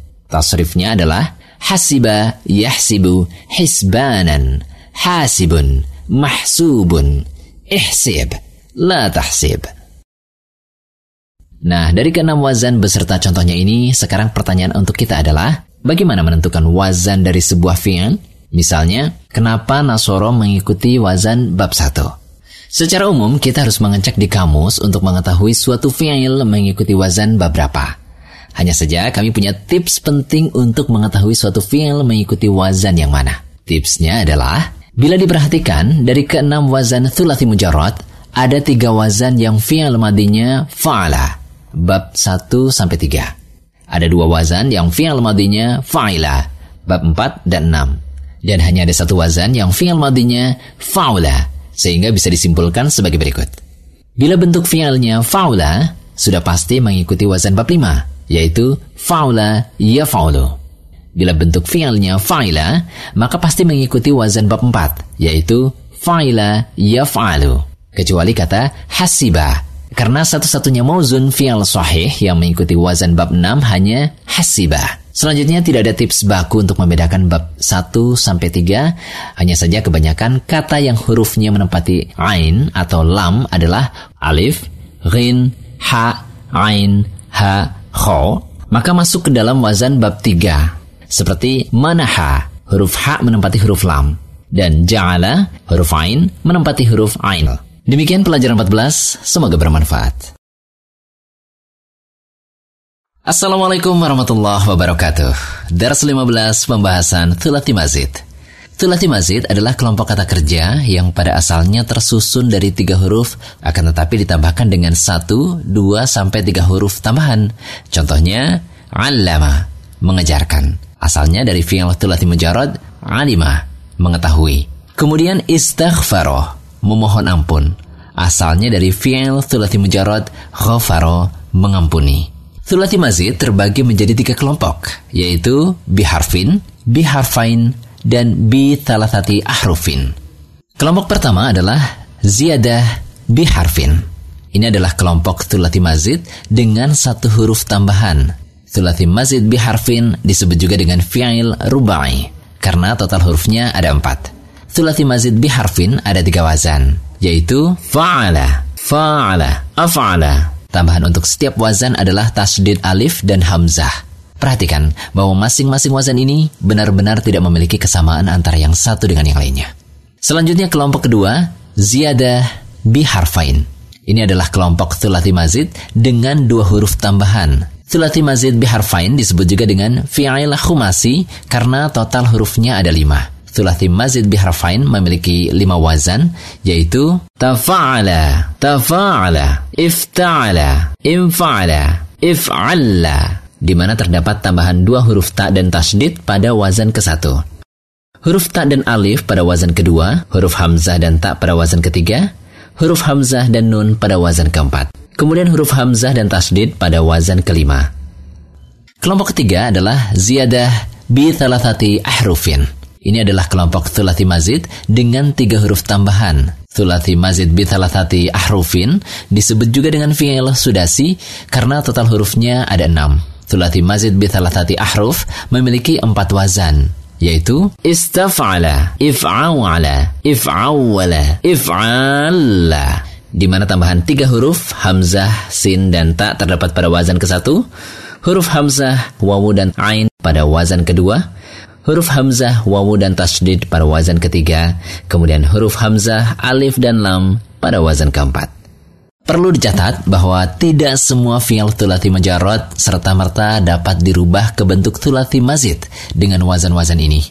Karena perubahan ini bersifat sama'i, yaitu berdasarkan penggunanya oleh bangsa Arab.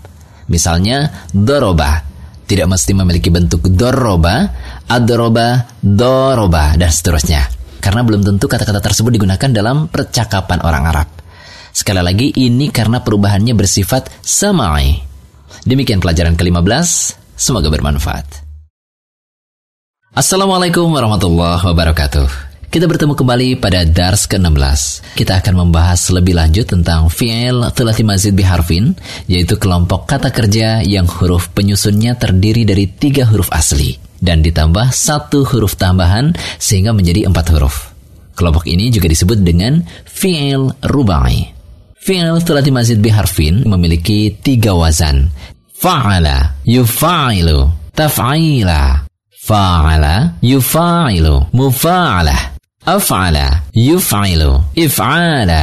Perhatikan, ketiga wazan tersebut memiliki pola yang berbeda satu sama lain. Sehingga kita benar-benar harus menghafalnya. Namun kita hanya perlu menghafal tiap wazan tersebut sampai masdarnya saja. Kenapa? Karena isim fa'il, isim maf'ul, fi'il amar hingga fi'il nahinya mengikuti pola fi'il mudari. Perhatikan tabel tasrif istilahi berikut ini. Ada kaidah umum yang berlaku untuk fi'il thulathi mazid. Yang pertama, pola dari isim fa'il sebenarnya adalah fi'il mudari yang huruf ya-nya diganti dengan huruf mim berharokat domah. Seluruh isim fa'il dan isim maf'ul thulathi mazid pasti diawali oleh huruf mim berharokat domah. Sehingga untuk membedakan isim fa'il dan isim maf'ul, cukup melihat harokat huruf ainnya saja, yaitu kasroh untuk isim fa'il dan fathah untuk isim maf'ul. Contohnya untuk wazan fa'ala, isim fa'ilnya mufa'ilun. Sedangkan isim maf'ulnya mufa'alun. Silahkan perhatikan wazan lainnya sama-sama seperti itu. Kemudian untuk pola fi'il amarnya adalah fi'il mudari yang huruf iya-nya dibuang. Kemudian disukunkan huruf akhirnya. Khusus wazan yufailu, karena asal fi'il madinya adalah hamzah, maka ketika fi'il amar, hamzahnya dimunculkan menjadi afail. Kemudian untuk pola fi'il nahi berasal dari fi'il mudari yang ditambahkan la nahiyah. Kemudian huruf ya diganti ta dan huruf akhirnya disukunkan. Jadi insya Allah mudahkan menghafal wazan thulathi mazid. Cukup kita hafalkan fi'il madhi hingga masdar saja. Adapun sisanya mengikuti pola fi'il mudhari. Lalu bagaimana cara mengetahui mauzun yang mengikuti wazan thulathi mazid? Sedangkan pada kaidahnya disebutkan perubahan dari thulathi mujarrad ke mazid bersifat sama'i. Kami punya tips jitu tentang ini, yaitu dengan cara melihat masdarnya. Misalnya, untuk mengetahui apa saja yang mengikuti wazan fa'ala, maka lihat masdarnya, yaitu taf'ila. Perhatikan, coba kita ingat kata yang polanya seperti taf'il maka akan teringat kata tajwid, tahsin, tartil, tafhim, tarakik, tahfidh, tabligh, tahlil, dan sebagainya. Dari sini kita bisa tahu kalau tajwid, fi'il madinya, jawada, dan seterusnya. Mudah bukan? Sekarang kita lihat apa saja mauzun yang mengikuti wazan fa'ala. Maka lihat masdarnya, mufa'alah. Coba diingat kata yang polanya mufa'alah. Maka akan teringat kata musyawarah, muhadarah, mudarabah, muraqabah, murajaah, mutola'ah, munakahah, dan sebagainya. Dari sini kita bisa tahu kalau musyawarah itu fi'il madinya syawara, muhadarah itu fi'il madinya hadara dan seterusnya. Terakhir, kita lihat apa saja mauzun yang mengikuti wazan af'ala. Maka lihat masdarnya if'ala. Perhatikan polanya. If'al. Maka kita akan teringat kata Islam, iman, ihsan, idhar, iqlab, idgham, imsak, dan sebagainya. Dari sini kita bisa tahu kalau Islam itu fi'il madinya aslama, idhar fi'il madinya adhar, dan seterusnya. Baik, dengan demikian kita bisa melengkapi tasrif istilahi thulathi mazid biharfin sebagai berikut. Wazan pertama, fa'ala yufa'ilu, taf'ilan, mufa'ilun, mufa'alun, fa'il, la tufa'il. Contoh mauzun yang mengikutinya adalah allama, yu'allimu ta'liman mu'allimun mu'allamun allim la tu'allim kemudian wazan kedua fa'ala yufa'ilu mufa'alah. Mufa'ilun. Mufa'alun. Fa'il. La tufa'il. Sementara untuk contoh mauzun yang mengikutinya adalah jahada. Yujahidu. Mujahadah. Mujahidun. Mujahadun. Jahid. La tujahid. Wazan ketiga, af'ala. Yuf'ilu. If'alan. Muf'ilun, muf'alun, af'il, la tuf'il. Contoh mauzun yang mengikutinya adalah aslama, yuslimu, islaman, muslimun, muslamun, aslim, la tuslim. Demikian pelajaran ke-16, semoga bermanfaat. Assalamualaikum warahmatullahi wabarakatuh. Pelajaran yang ke-17. Thulathi mazid biharfain dan bitalathati ahruf. Pertama kita bahas sulati mazid biharfain, yaitu kumpulan kata kerja bahasa Arab yang huruf penyusunnya tiga huruf asli atau sulati mujarrad yang ditambah dua huruf tambahan sehingga menjadi lima huruf. Untuk itu, ia juga disebut khumasi. Fi'al sulati mazid biharfain ini ada lima wazan. Tambahan ta dan tasdid. Tambahan ta dan alif, tambahan hamzah dan ta. Hamzah dan nun, hamzah, dan tasdid. Sama ketika kita membahas fi'al thulathi mazid biharfin. Thulathi mazid biharfain juga bisa dihafalkan cukup sampai masdarnya saja. Karena isim fa'il, isim maf'ul, fi'il amar hingga fi'il nahinya mengikuti pola fi'il mudari'nya. Begitu pula untuk mengetahui mauzun apa saja yang mengikuti wazan sulati mazid biharfain. Kita cukup melihat masdarnya saja. Misalnya yang mengikuti wazan tafa'ala, maka lihat masdarnya yaitu tafa'ulan maka kita akan teringat dengan tadabbur, tafakkur, tajassus, tabarruj, dan sebagainya. Setelah kita mengetahui wazan-wazan tersebut, selanjutnya adalah mengetahui mauzun-mauzunnya. Contohnya, wazan tafa'ala. Ta'allama yata'allamu. Ta'alluman muta'allimun. Muta'allamun ta'allam. La tata'allam. Ta'allama artinya mempelajari. Kemudian tabassam, tersenyum. Tabassama yatabassamu tabassuman mutabassimun, mutabassamun, tabassam, la tatabassam. Contoh fi'al wazan tafa'ala. Ta'awana, yata'awanu, ta'awunan, muta'awinun, muta'awanun, ta'awan, la tata'awan. Ta'awan artinya saling menolong. Kemudian takathar, memperbanyak. Takatharo, yatakatharu, takathuran, mutakathirun, mutakatharun. Takathar, la tatakathar. Contoh fi'il wazan ifta'ala. Ijtahada, bersungguh-sungguh, ijtahada yajtahidu ijtihadan mujtahidun. Mujtahadun ijtahid. La tajtahid. Ijtama'a berkumpul. Ijtama'a yajtami'u ijtima'an mujtami'un mujtama'un. Ijtami' la tajtami' contoh fi'il wazan infa'ala inkasara pecah. Inkasara yang kasiru inkisaran mungkasirun mungkasarun inkasir la tankasir. Inqasama terbagi. Inqasama yang qasimu inqisaman mungqasimun mungqasamun inqasim la tangqasim perlu dicatat bahwa semua fi'il yang mengikuti wazan infa'ala ini adalah fi'il lazim atau transitif tidak membutuhkan objek. Contoh fi'il wazan if'alla ihmarra memerah. Yahmarru ihmiraran muhmarun muhmarun ihmarra la tahmarra. Iswadda menghitam. Yaswaddu iswidadan muswaddun muswaddun. Iswadda la taswadda. Khusus untuk wazan if'ala ini didominasi dengan warna-warni seperti ihdara menghijau isfarra menguning dan sebagainya. Kemudian bagian kedua tulati mazid bitalatati ahruf yaitu kumpulan kata kerja bahasa Arab yang huruf penyusunnya tiga huruf asli ditambah tiga huruf tambahan sehingga menjadi enam huruf. Karenanya, ia juga disebut sudasi. Fi'al thulati mazid bitalatati ahruf ini ada empat wazan, tambahan Hamzah, Sin, Ta. pada wazan ke satu, kemudian tambahan Hamzah, ain dan wawu pada wazan kedua, kemudian tambahan Hamzah, Wawu bertasdid. pada wazan ketiga, tambahan Hamzah, Alif, dan Lam. pada wazan keempat. Berikut ini contoh fi'il yang mengikuti wazan thulati mazid bitalatati ahruf. Contoh wazan istaf'ala, istaghfara, memohon ampun. Yastaghfiru, istighfaron. Mustaghfirun, mustaghfarun. Istaghfir, la tastaghfir. Kemudian ista'mala, menggunakan. Yasta'milu, isti'malan. Musta'milun, musta'malun. Ista'mil, la tasta'mil. Contoh fi'il wazan if'awala. I'syawsyaba, tumbuh rerumputan. Ya'syawshibu, i'shishaban. Mu'syawshibun, mu'syawshabun. I'syawshib, la ta'syawshib. Ikhsyawshana, menjadi kasar. Yakhsyawshinu, ikhshishanan. Mukhsyawshinun, mukhsyawshanun. Ikhsyawshin, la tahsyawshin. Contoh fi'al wazan if'awwala. I'lawwata, menunggangi. Ya'lawwitu, i'liwwatan. Mu'lawwitun, mu'lawwatun. I'lawwit, la ta'lawwit. Berjalan cepat. Ijlawwada, yajlawwidhu, ijliwwadan. Mujlawwidun, mujlawwadun. Ijlawwid, la tajlawwid. Contoh fi'al wazan if'ala. Ihmara, memerah. Yahmaru, ihmiraran, muhmarun, muhmarun. Ihmara, la tahmara.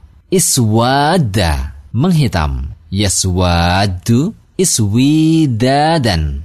Muswadun, muswadun, iswada. La taswada. Dengan demikian kita telah mempelajari 12 wazan sulati mazid dengan lengkap. Demikian pelajaran ke-17. Assalamualaikum warahmatullahi wabarakatuh. Kita bertemu kembali pada pelajaran ke-18. Fi'il rubai. Rubai adalah kelompok kata kerja yang huruf penyusunnya ada empat huruf. Sama seperti thulati, rubai juga terbagi menjadi dua. Yang pertama, rubai mujarrad, yaitu fi'il yang tersusun dari empat huruf asli. Contohnya, dahroja. Yang kedua, rubai mazid, yaitu fi'il yang tersusun dari empat huruf asli dan ditambah dengan huruf tambahan atau ziyadah. Contohnya, tadahroja. Rubai mujarrad. Ada satu wazan yang masuk bab rubai mujarrad. Kebanyakan mauzun yang masuk bab ini adalah fi'il mudha'af seperti zalzala, mengguncangkan, dan damdama, membinasakan. Dan fi'il yang dibentuk dari susunan kalimat seperti basmala, membaca bismillah, dan hauqala, membaca la hawla wa la quwata illa billah. Wazan rubai mujarrad. Fa'lala yufa'lilu fa'lalatan. Mufa'lilun, mufa'lalun. Fa'lil, la tufa'lil. Contoh fi'il wazan fa'lala. Menggelincirkan. Dahroja yudahriju dahrojatan. Mudahrijun. Mudahrajun. Dahrij. La tudahrij. Membongkar. Ba'tharu yuba'thiru. Ba'tharotan. Muba'thirun. Muba'tharun. Ba'thir. La tuba'thir. Untuk lebih memahami tasrif bab ini, silahkan simak contoh mauzun berikut ini. Menterjemahkan. Tarjama yutarjimu tarjamatan. Memperindah. Zakhrofa yuzakhrifu zakhrofatan. Membisikkan. Waswasa yuwaswisu waswasatan. Menjadi jelas. Hashaso yuhashisu hashasotan. Gelap. As'asa yu'as'isu as'asatan menjauhkan zahzaha yuzahzihu zahzahatan menjungkirkan kabkaba yukabkibu kabkabatan memakai jilbab jalbaba yujalbibu jalbabatan memakai kaos kaki jauroba yujauribu jaurobatan membaca hamdalah hamdalah yuhamdilu hamdalatan perhatikan bahwa kebanyakan mauzun yang masuk bab ini adalah fi'il mudhaf fi'il yang diringkas dari satu kalimat dan fi'il yang diambil dari nama benda rubai mazid. Ada tiga wazan yang masuk bab rubai mazid. Satu wazan dengan tambahan satu huruf, dan dua wazan dengan tambahan dua huruf.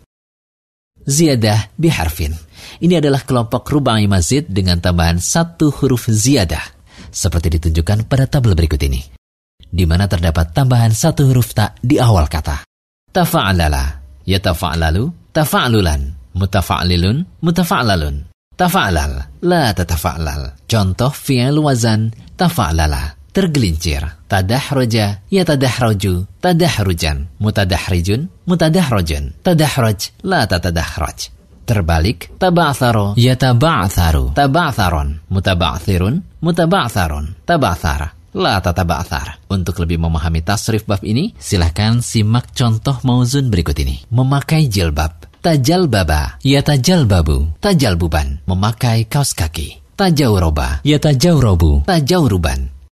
Ziyadah biharfain. Ini adalah kelompok rubai mazid dengan tambahan dua huruf ziyadah.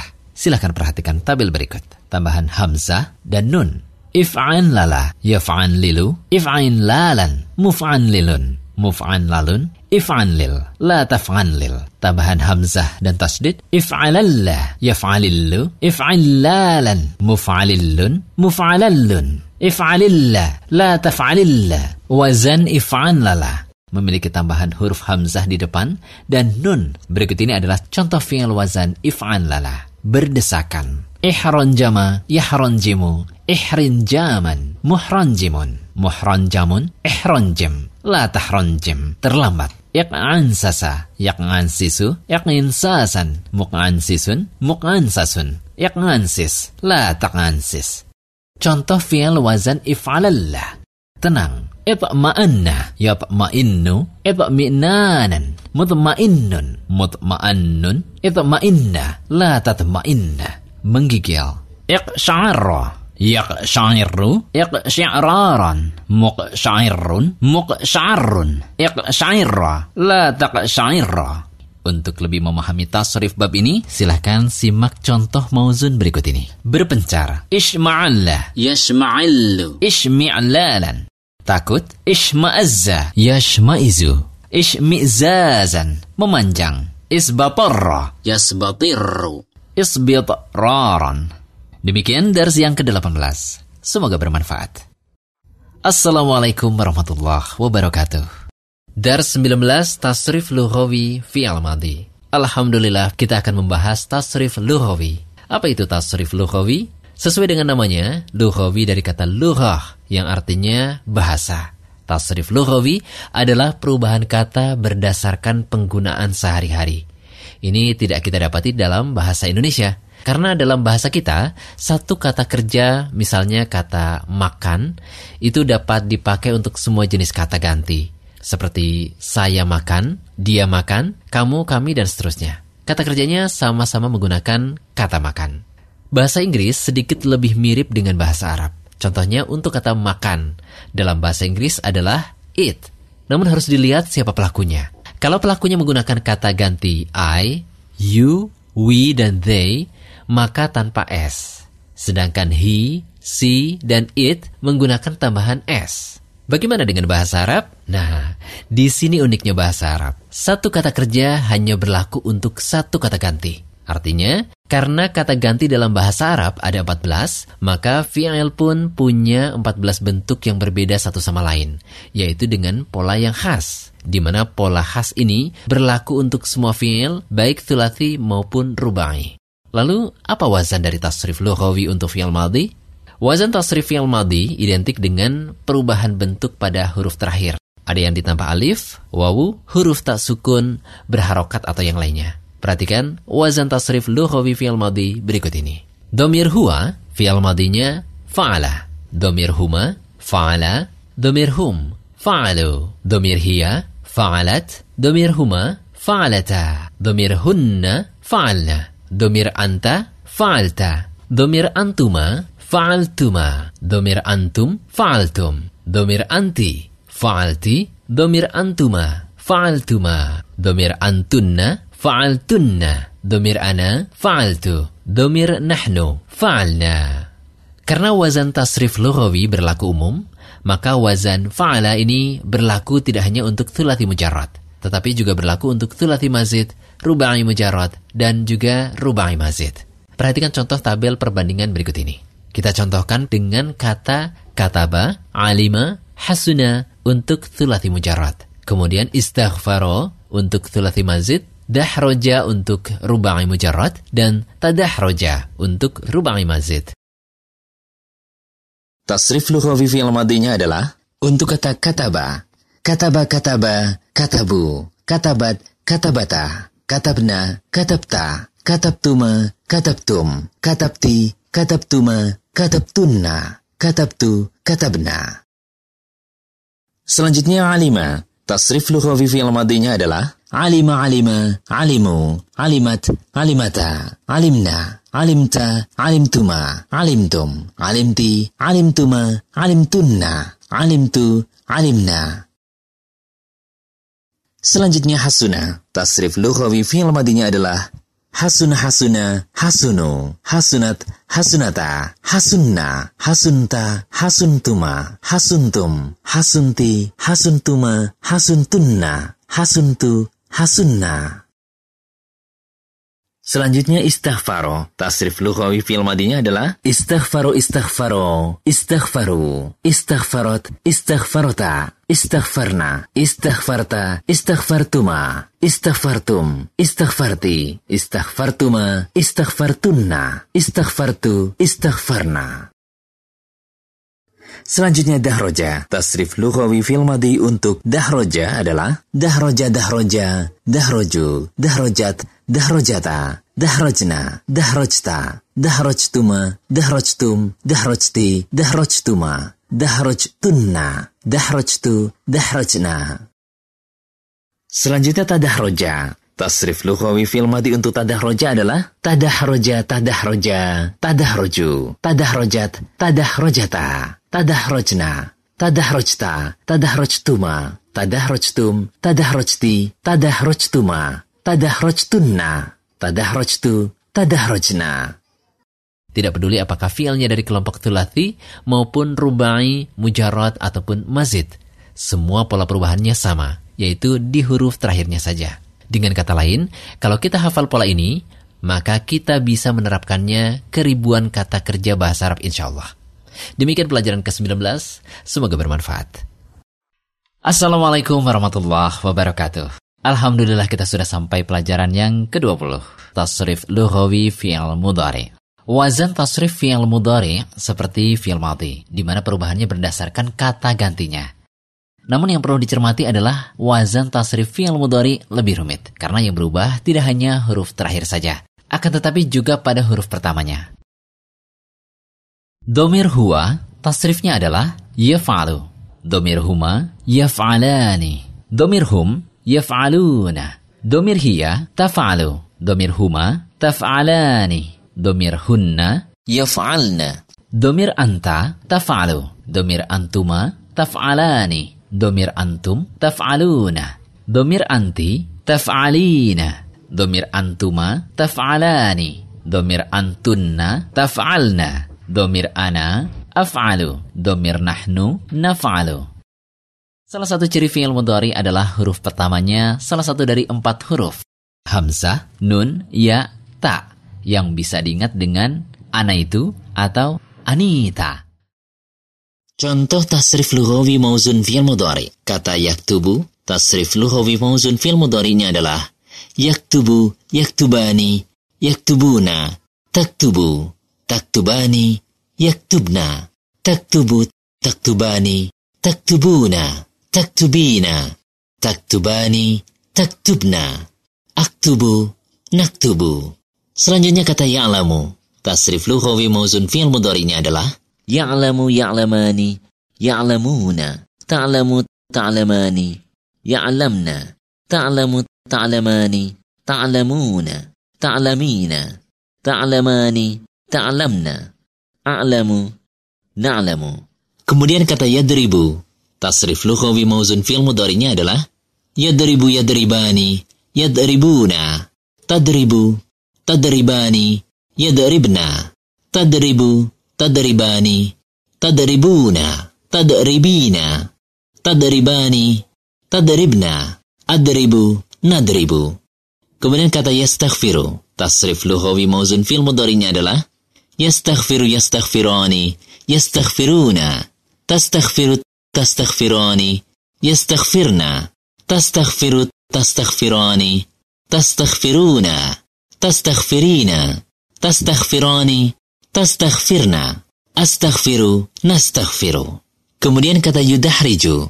Tasrif lughawi mauzun fi'il mudhari'nya adalah yudahriju yudahrijani, yudahrijuna, tudahriju tudahrijani, yudahrijna, tudahriju tudahrijani, tudahrijuna, tudahrijina, tudahrijani, tudahrijna, udahriju, nudahriju. Kemudian kata yatadahraju. Tasrif lughawi mauzun fil mudhari'nya adalah yatadahraju, yatadahrajani, yatadahrajuna, tatadahraju, tatadahrajani, yatadahrajna, tatadahraju, tatadahrajani, tatadahrajuna, tatadahrajina, tatadahrajani, tatadahrajna, atadahraju, natadahraju. Apabila kita perhatikan tabel di atas, maka kita akan mendapati wazan tasrif lughawinya yang seragam bagaimanapun bentuknya, untuk bab-bab thulati maupun rubai. Tasrif lughawi berguna untuk membuat kalimat sesuai dengan kata ganti. Misalnya, untuk membuat kalimat kalian laki-laki sedang memohon ampun. Maka kata fi'il mudhari yang tepat adalah tastaghfiruna, bukan bentuk yang lain. Bila ingin membuat kalimat saya sedang meminta ampun, maka yang tepat adalah astaghfiru. Begitupun dengan yang lainnya. Setiap kata ganti memiliki bentuk fi'il mudhari yang spesifik. Demikian pelajaran ke-20. Semoga bermanfaat. Assalamualaikum warahmatullahi wabarakatuh. Kita bertemu kembali pada dars yang ke-21. Tasrif lughawi masdar, isim fa'il, dan isim maf'ul. Berbeda dengan fi'il madhi dan fi'il mudhari yang tiap kata ganti memiliki satu bentuk fi'il madhi atau fi'il mudhari yang khas, untuk bentuk isim fa'il dan isim maf'ul bisa digunakan beberapa kata ganti karena yang dijadikan tinjauan adalah adad dan nau. Misalnya, katibun, penulis. Ditinjau dari adad, katibun ini termasuk mufrad dan ditinjau dari sisi nau, ia mudakar. Maka semua domir yang mufrad dan mudakar bisa menggunakan kata ini. Apa saja domir yang mufrad dan mudakar? Ia adalah ana, huwa, dan anta. Maka boleh kita mengucapkan ana katibun. Saya penulis. Huwa katibun. Dia penulis. Anta katibun. Kamu penulis. Ini berbeda dengan fi'il. Misalnya untuk fi'il madhi kataba, maka penggunaan domir dan fi'ilnya sebagai berikut. Ana katabtu. Huwa kataba, anta katabta. Perhatikan bahwa setiap domir memiliki versi fi'il madinya masing-masing. Baik, sekarang kita kembali ke pembahasan tasrif lughawi masdar, isim fa'il, dan isim maf'ul. Diawali dengan pembahasan masdar. Apakah masdar punya tasrif lughawi?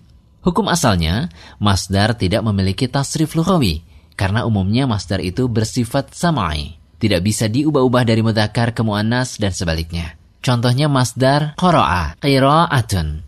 Tidak bisa tak marbutohnya dibuang menjadi qira'un. Contoh lainnya masdar alima, ilmun. Tidak bisa ditambah tak marbutoh menjadi ilmatun. Jadi, asalnya masdar tidak bisa diubah ke bentuk lain. Sekarang kita bahas tasrif lughawi isim fa'il. Ada enam wazan isim fa'il. di mana keenam wazan ini dapat digunakan untuk lebih dari satu domer. Wazan tasrif isim fa'il ditunjukkan oleh tabel berikut. Untuk domir ana, anta dan huwa, tasrifnya adalah fa'ilun. Kemudian domir huma, antuma, nahnu, tasrifnya adalah fa'ilani atau fa'ilaini. Kemudian domir hum, antum dan nahnu, tasrifnya adalah fa'iluna atau fa'ilina. Kemudian domir ana, anti, dan hiya, tasrifnya adalah fa'ilatun. Selanjutnya domir huma, antuma, dan nahnu, tasrifnya adalah fa'ilatani atau fa'ilataini. Dan yang terakhir domir hunna, antunna, dan nahnu. Tasrifnya adalah fa'ilatun. Setiap wazan isim fa'il tersebut dapat digunakan lebih dari satu domir. Karena perubahannya didasarkan pada nau dan adatnya. Misalkan fa'ilun merupakan bentuk mufrad mudakar, maka semua domir mufrad mudakar dapat menggunakan wazan ini, yaitu ana, anta, dan huwa, tanpa melihat apakah domir tersebut adalah domir mukhotob, khoib, atau mutakallim. Baik, supaya lebih paham silahkan perhatikan tabel berikut.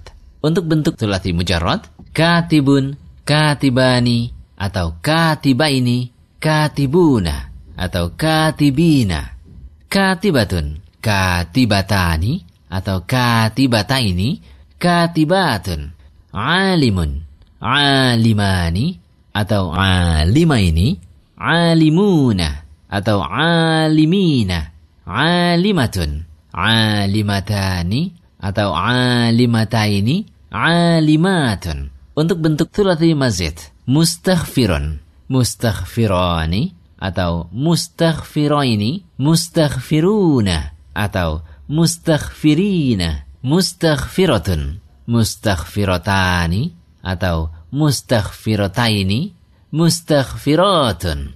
Untuk bentuk rubai mujarrad, mudahrijun, mudahrijani atau mudahrijaini, mudahrijuna atau mudahrijina, mudahrijatun, mudahrijatani atau mudahrijataini, mudahrijatun. Untuk bentuk rubai mazid, mutadahrijun, mutadahrijani, atau mutadahrijaini, mutadahrijuna, atau mutadahrijina, mutadahrijatun, mutadahrijatani, atau mutadahrijataini, mutadahrijatun. Selanjutnya kita bahas tasrif lughawi isim. Wazan tasrif lughawi isim sama dengan isim fa'il. Tabel berikut menyajikan wazan tasrif isim.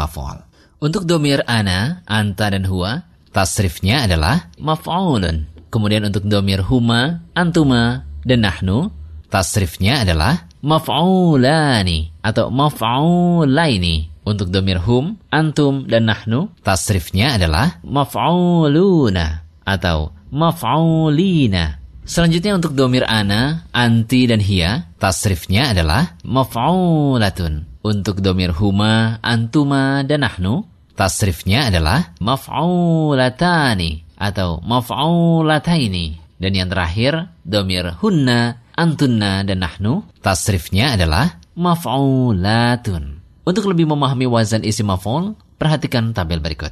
Untuk bentuk tulati mujarrad, maktubun, maktubani, atau maktubaini, maktubuna, atau maktubina, maktubatun, maktubatani, atau maktubataini, maktubatun, ma'lumun, ma'lumani, atau ma'lumaini, ma'lumuna, atau ma'lumina, ma'lumatun, ma'lumatani.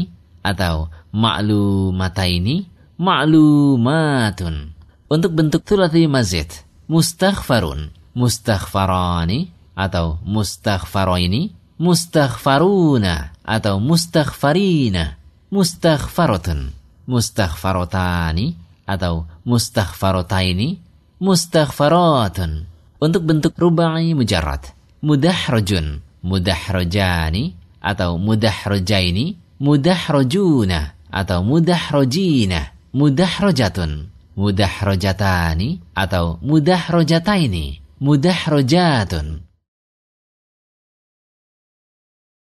Demikian pelajaran ke-21. Semoga bermanfaat. Assalamualaikum warahmatullahi wabarakatuh. Pada pelajaran yang ke-22 ini, kita akan membahas tasrif lughawi fi'il amar dan fi'il nahi. Keduanya merupakan fi'il. Oleh karena itu, tasrif lughawinya sama dengan fi'il madi dan fi'il mudhari, di mana satu kata ganti akan memiliki satu bentuk fi'il amar dan fi'il nahi. Hanya saja, seperti kita ketahui bersama, bahwa bentuk kata perintah dan kata larangan itu hanya berlaku untuk kata ganti orang kedua. Sehingga tasrifnya hanya perubahan dari anta, kamu laki-laki, hingga antuna, kalian perempuan. Pertama, kita bahas fil amar. Wazan untuk fil amar ditunjukkan oleh tabel berikut. Untuk bab satu, tasrif fil amarnya adalah uf'ol. Uf'ola, uf'olu, uf'oli, uf'ola, uf'olna. Untuk bab 2, if'ail. If'aila, if'ailu, if'aili, if'aila, if'ailna. Untuk bab 3, if'al, if'ala, if'alu, if'ali, if'ala, if'alna. Untuk bab 4, if'al, if'ala, if'alu, if'ali, if'ala, if'alna. Untuk bab 6, if'ail, if'aila, if'ailu, if'aili, if'aila, if'ailna. Dan untuk mazid, Tasrif fil amarnya adalah istafail, istafaila, istafailu, istafaili, istafaila, istafaila. Tasrif fil amar ini hanya berubah pada huruf terakhir dari fil amar. Dan rumus perubahannya sama untuk semua wazan. Agar lebih memahami wazan tasrif luhawi fil amar, perhatikan ilustrasi berikut ini. Untuk tulati mujarrad, tasrif luhawi fil amarnya adalah uktub, uktuba, uktubu, uktubi, uktuba, uktubna. Idrib, idriba, idribu, idribi, idriba, idribna. Tulati mazid, tasrif luhawi fi'il amarnya adalah istaghfir. Istaghfira, istaghfiru, istaghfiri, istaghfira, istaghfirna. Rubai mujarrad, tasrif luhawi fi'il amarnya adalah dahrij. Dahrija, dahriju, dahriji, dahrija, dahrijna. Rubai mazid, Tasrif lughawi fi'il amarnya adalah tadahraj, tadahraja, tadahruju, tadahraji, tadahraja, tadahrajna. Fi'il amar adalah kata perintah. Oleh karena itu, hanya berlaku untuk domir mukhotob atau kata ganti orang kedua. Ketika ingin membuat kata perintah, tulislah untuk tiga orang perempuan, maka digunakan kata uktubna Begitupun jika ingin membuat kata perintah yang lain, maka perhatikanlah domirnya. Selanjutnya kita bahas fi'il nahi. Tasrif fi'il nahi tidak jauh berbeda dengan fi'il amar. Perubahannya sama dengan fi'il amar, di mana yang berubah hanya pada akhirnya. Bila kita menguasai wazan fi'il amar, insya Allah kita juga akan menguasai wazan fi'il nahi. Wazan tasrif lughawi fi'il nahi ditunjukkan oleh tabel berikut ini. Untuk bab 1, tasrif lughawi fi'il nahinya adalah la taf'ul. La taf'ula La taf'alu, la taf'uli, la taf'ula, la taf'ulna. Untuk bab 2, la taf'il, la taf'ila, la taf'ilu, la taf'ili, la taf'ila, la taf'ilna. Untuk bab 3, la taf'al, la taf'ala, la taf'alu, la taf'ali, la taf'ala, la taf'alna. Untuk bab 4, la taf'al, la taf'ala, La taf'alu, la taf'ali, la taf'ala, la taf'alna. Untuk bab 6, la taf'il, la taf'ila, la taf'ilu, la taf'ili, la taf'ila, la taf'ilna. Untuk mazid, tasrif lughawi fi'il nahinya, la tastaf'il, la tastaf'ila, la tastaf'ilu, la tastaf'ili, la tastaf'ila, la tastaf'ilna. Contoh tasrif mauzun fi'il nahi ditunjukkan oleh tabel berikut ini. Untuk tulati mujarrad, tasrif mauzun fi'il nahinya la taktub, la taktuba, la taktubu, la taktubi, la taktuba, la taktubna, la tadrib, la tadriba, la tadribu, la tadribi, la tadriba, la tadribna. Tulati mazid, tasrif mauzun fi'il nahinya adalah la tastaghfir, la tastaghfira, La tastaghfiru, la tastaghfiri, la tastaghfira, la tastaghfirna. Untuk rubai mujarrad, tasrif mauzun fi'il lainnya, la tudahrij, la tudahrija, la tudahriju, la tudahriji, la tudahrija, la tudahrijna. Untuk rubai mazid, tasrif mauzun fi'il lainnya, la tatadahraj, la tatadahraja la tatadahraju la tatadahroji, la tatadahroja, la tatadahrojna. Demikian pelajaran ke-22. Semoga bermanfaat. Assalamualaikum warahmatullahi wabarakatuh. Alhamdulillah pada pelajaran yang ke-19 sampai ke-22 kita telah mempelajari tasrif lughawi secara lengkap mulai dari fi'il madhi hingga fi'il nahi. Pada pelajaran ke-23 ini kita akan merangkum tasrif lughawi dalam sebuah tabel lengkap dari fi'il madhi hingga fi'il nahi agar kita memahami tasrif lughawi secara utuh. Dengan memahami dan menghafal tasrif lughawi, maka kita telah menguasai inti dari ilmu sorof. Insyaallah. Karena dengan bekal ini, kita bisa mengenali atau mencari makna suatu kata hanya dengan melihat pola atau wazannya. Berikut rangkuman tasrif lughawi yang akan diwakili satu mauzun untuk setiap wazan tulathi mujarad, tulathi mazid, rubai mujarad, dan rubai mazid. Tasrif lughawi lengkap tulathi mujarad yang diwakili mauzun kataba. Tasrif istilahinya kataba yaktubu kitabatan, katibun, maktubun, uktub, la taktub. Tasrif lughawi untuk fi'il madhi, kataba kataba katabu, katabat katabata, katabna, katabta, katabtuma, katabtum, katabti, katabtuma, katabtunna, katabtu, katabna. Kemudian tasrif lughawi untuk fi'il mudhari, yaktubu, yaktubani, yaktubuna, taktubu, taktubani, yaktubna, taktubu, taktubani, taktubuna. Taktubina, taktubani, taktubna, aktubu, naktubu. Kemudian masdar, kitabatan. Untuk isim fa'il, katibun katibani, atau katibaini, katibuna, atau katibina, katibatun, katibatani, atau katibataini, katibatun. Untuk isim maf'ul, maktubun, maktubani, atau maktubaini, maktubuna atau maktubina, maktubatun, maktubatani atau maktubataini, maktubatun. Untuk fi'il amar, uktub, uktuba, uktubu, uktubi, uktuba, uktubna. Untuk fi'il nahi, la taktub, la taktuba, la taktubu, la taktubi, la taktuba, la taktubna. Tasrif lughawi lengkap Thulathi mazid yang diwakili mauzun allama. Tasrif istilahinya allama yu'allimu, ta'liman, mu'allimun, mu'allamun, allim, la tu'allim. Kemudian untuk tasrif lughawinya adalah fi'il madinya allama alama allamu, allamat alamata, allamna, allamta, allamtuma, allamtum, allamti, allamtuma, allamtunna. Allamtu, allamna. Kemudian untuk fi'il mudhari, yu'allimu, yu'allimani, yu'allimuna, tu'allimu, tu'allimani, yu'allimna, tu'allimu, tu'allimani, tu'allimuna, tu'allimina, tu'allimani, tu'allimna, a'allimu, nu'allimu.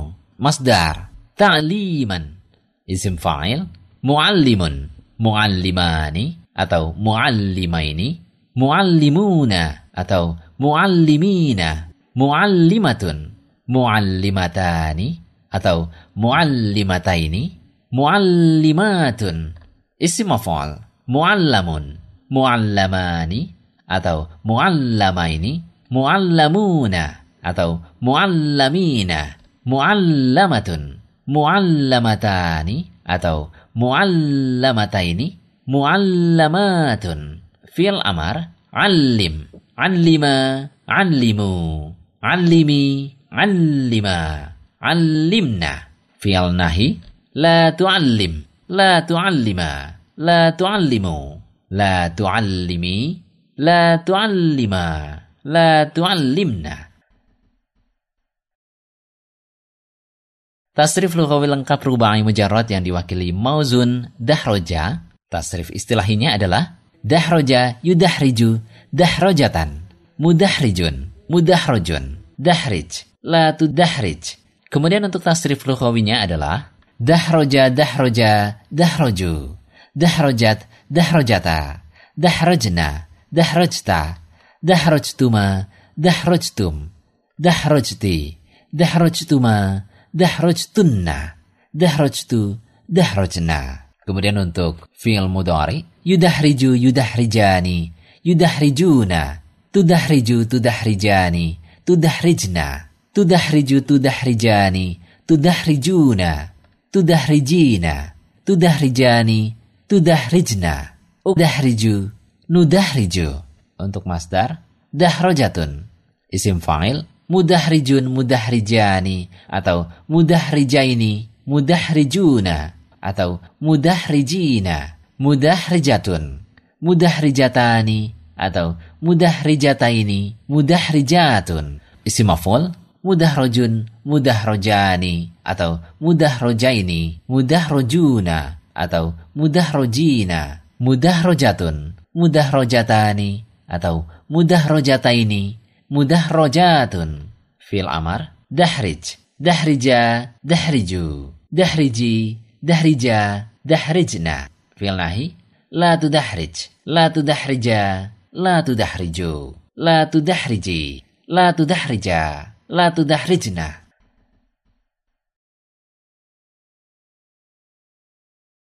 Tasrif lughawi lengkap rubai mazid yang diwakili mauzun tadahroja. Tasrif istilahnya adalah tadahroja ya tadahroju, tadahrujan, mutadahrijun, mutadahrojun, tadahroj, la tatadahroj. Kemudian untuk tasrif lughawinya tadahroja tadahroja, tadahroju, tadahrojat, tadahrojata, tadahrojna, tadahrojta, tadahrojtuma, tadahrojtum, tadahrojti, tadahrojtuma, tadahrojtunna, tadahrojtu, tadahrojna. Kemudian untuk fi'il mudhari, yatadahroju yatadahrojani, yatadahrojuna, tatadahroju tatadahrojani, yatadahrojna, tatadahroju tatadahrojani, tatadahrojuna, tatadahrojina, tatadahrojani, tatadahrojna, atadahroju, natadahroju. Untuk masdar, tadahrujan. Isim fa'il, mutadahrijun, mutadahrijani, atau mutadahrijaini, mutadahrijuna, atau mutadahrijina, mutadahrijatun, mutadahrijatani, mutadahrijataini, mutadahrijatun. Isim maf'ul, mutadahrojun, mutadahrojani, atau mutadahrojaini, mutadahrojuna, atau mutadahrojina, mutadahrojatun, mutadahrojatani, atau mutadahrojataini, mutadahrojatun. Fil amar, tadahroj, tadahroja, tadahroju, tadahroji, tadahroja, tadahrojna. Fi'al nahi, la tatadahroj, la tatadahroja, la tatadahroju, la tatadahroji, la tatadahroja, la tatadahrojna. Demikian dars 23, semoga bermanfaat. Assalamualaikum warahmatullahi wabarakatuh. Alhamdulillah kita bertemu kembali pada dars yang ke-24, kata kerja pasif atau fi'al majhul.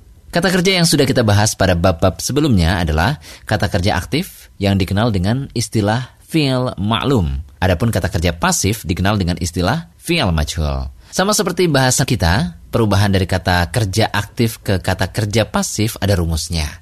Misalkan menolong, ditolong, melihat, dilihat, memukul, dipukul, membersihkan, dibersihkan, dan sebagainya. Contoh penggunaan kata kerja aktif dan kata kerja pasif, Doroba Zaidun Bakron. Zaid telah memukul Bakar. Untuk kata kerja pasif berubah menjadi Duriba Bakrun. Bakar telah dipukul.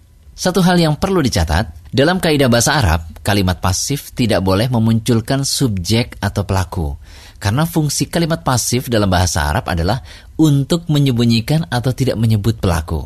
Baik karena pelakunya memang tidak diketahui maupun pelakunya sengaja disembunyikan. Ini berbeda dengan bahasa Indonesia, di mana kita masih boleh menyebut pelakunya, seperti halnya Bakar telah dipukul oleh Zaid. Dalam bahasa Arab, kita hanya boleh mengatakan Bakar telah dipukul, tanpa menjelaskan siapa yang memukul. Bila kita ingin menyebut pelakunya, maka wajib menggunakan kalimat aktif. Sebagai catatan, fi'il yang bisa berubah ke bentuk majhul hanya fi'il muta'addi atau transitif. Adapun fi'il lazim atau intransitif, hukum asalnya tidak bisa diubah ke bentuk majhul karena tidak memiliki objek sehingga tidak bisa diubah ke bentuk pasif. Dalam bahasa Arab, rumus merubah kata kerja aktif menjadi pasif ada dua. Yang pertama, rumus untuk fi'il madhi majhul dan yang kedua, rumus untuk fi'il mudhari majhul. Pertama, kita akan bahas rumus fi'il madhi majhul. Rumus fi'il madhi majhul adalah huruf pertama didomahkan dan satu huruf sebelum huruf terakhir dikasrohkan. Ini berlaku untuk setiap fi'il madhi, baik tulasi maupun rubai. Wazan fi'il madhi bab 1, 2, dan 3 tulasi mujarad adalah sama. Sehingga rumus majhul untuk ketiganya juga sama. Perhatikan pola perubahan berikut. Fa'ala, huruf pertama fa didomahkan, kemudian yang kedua satu huruf sebelum huruf terakhir dikasrohkan. Karena hurufnya ada tiga, dan lam adalah huruf terakhir, maka satu huruf sebelum huruf terakhir adalah ain. Asalnya, ain berharokat fathah. Kemudian harokatnya diganti kasroh menjadi fu'aila. Fu'aila. Sekarang mari kita terapkan rumus ini pada fi'il yang masuk dalam bab 1, bab 2, dan bab 3. Fi'il bab 1. Dhakara, telah mengingat atau menyebut. Berubah ke bentuk majhul menjadi Dzukira telah diingat atau disebut. Qatala telah membunuh berubah menjadi kutila telah dibunuh. Fi'il bab 2 doroba telah memukul berubah ke bentuk fi'il majhul menjadi duriba telah dipukul. Ghafaro telah mengampuni menjadi ghufiro telah diampuni. Fi'il bab 3 qara'a telah membaca berubah menjadi quri'a telah dibaca. Fataha telah membuka menjadi futiha telah dibuka. Wazan fi'il madhi bab 4 dan 6 tulati mujarad sama. Sehingga rumus majhul untuk keduanya juga sama. Perhatikan pola perubahan berikut. Fa'ilah. Huruf pertama fa didomahkan, satu huruf sebelum huruf terakhir dikasrohkan. Karena hurufnya ada tiga, dan lam adalah huruf terakhir, maka satu huruf sebelum huruf terakhir adalah ain. Karena huruf ain sudah berharokat kasrah, maka ini sudah sesuai dengan kaidah. Sekarang mari kita terapkan rumus ini pada fi'il yang masuk ke bab 4 dan bab 6. Fi'il bab 4. Sami'a, telah mendengar. Berubah ke fi'il majhul menjadi sumi'a, telah didengar. Alima, telah mengetahui. Berubah menjadi ulima, telah diketahui. Fi'il bab 6. Hasiba, telah menghitung. Berubah ke bentuk majhul menjadi husiba, telah dihitung. Lalu bagaimana dengan bab 5, tulati mujarad? Karena fi'il bab 5 thulati mujarad merupakan fi'il lazim, maka tidak bisa dirubah ke bentuk pasif. Jadi kesimpulannya, rumus fi'il madi majhul untuk thulati mujarad bab 1 hingga bab 6 sama. Fu'ailah, kecuali bab 5 yang tidak memiliki bentuk majhul. Fi'il madi majhul thulati mazid. Pada dasarnya, rumus fi'il madi majhul thulati mazid sama dengan thulati mujarad, yaitu didomahkan huruf pertama dan dikasrohkan satu huruf sebelum huruf terakhir. Akan tetapi karena fi'il thulathi mazid memiliki huruf ziyadah, maka ada kaidah tambahan untuk fi'il-fi'il kelompok ini. Huruf fa dan huruf ziyadah yang tidak berharokat sukun wajib didomahkan. Adapun fa dan huruf ziyadah yang pada bentuk maklumnya sukun tetap dalam kondisi sukun. Kata fa'ala berubah menjadi fu'ila, huruf fa merupakan huruf pertama sehingga didomahkan dan huruf ain adalah satu huruf sebelum huruf terakhir sehingga dikasrohkan. Contoh, syubbiha telah diserupakan. Fi'il maf'ul fa'ala menjadi fu'ila. Huruf fa merupakan huruf pertama dan huruf ain adalah satu huruf sebelum huruf terakhir. Karena fa berharokat doma, maka huruf alif mengikuti kaidah. Di mana bila setelah huruf berharokat doma ada huruf ailat, maka setelahnya wajib menggunakan huruf ailat wawu. Contohnya, qutila, telah diperangi. Af'ala berubah menjadi uf'ila, Hamzah merupakan huruf pertama sehingga didomahkan. Sedangkan Ain adalah satu huruf sebelum huruf terakhir sehingga dikasrohkan. Contoh, ukrima, telah dimuliakan. Tafa'ala menjadi tufu'ila. Tak merupakan huruf ziyadah sebelum fa'fil sehingga didomahkan. Dan fa juga didomahkan karena mengikuti kaidah. Sedangkan ain adalah satu huruf sebelum huruf terakhir sehingga dikasrohkan. Contoh, tu'ullima telah dipelajari. Tafa'ala berubah ke fi'il majhul menjadi tufu'ila. Tak merupakan huruf ziyadah sehingga didomahkan dan fa juga didomahkan karena mengikuti kaidah. Sedangkan ain adalah satu huruf sebelum huruf terakhir sehingga dikasrohkan. Karena fa berharokat domah, maka huruf alif mengikuti kaidah. Di mana bila setelah huruf berharokat domah ada huruf ailat, maka setelahnya wajib menggunakan huruf ailat wawu. Seperti tuku thira. Fil ma'lum ifta'ala menjadi uftu'ila. Hamzah dan tak merupakan huruf ziyadah sehingga ikut didomahkan. Sedangkan ain adalah satu huruf sebelum huruf terakhir sehingga dikasrohkan.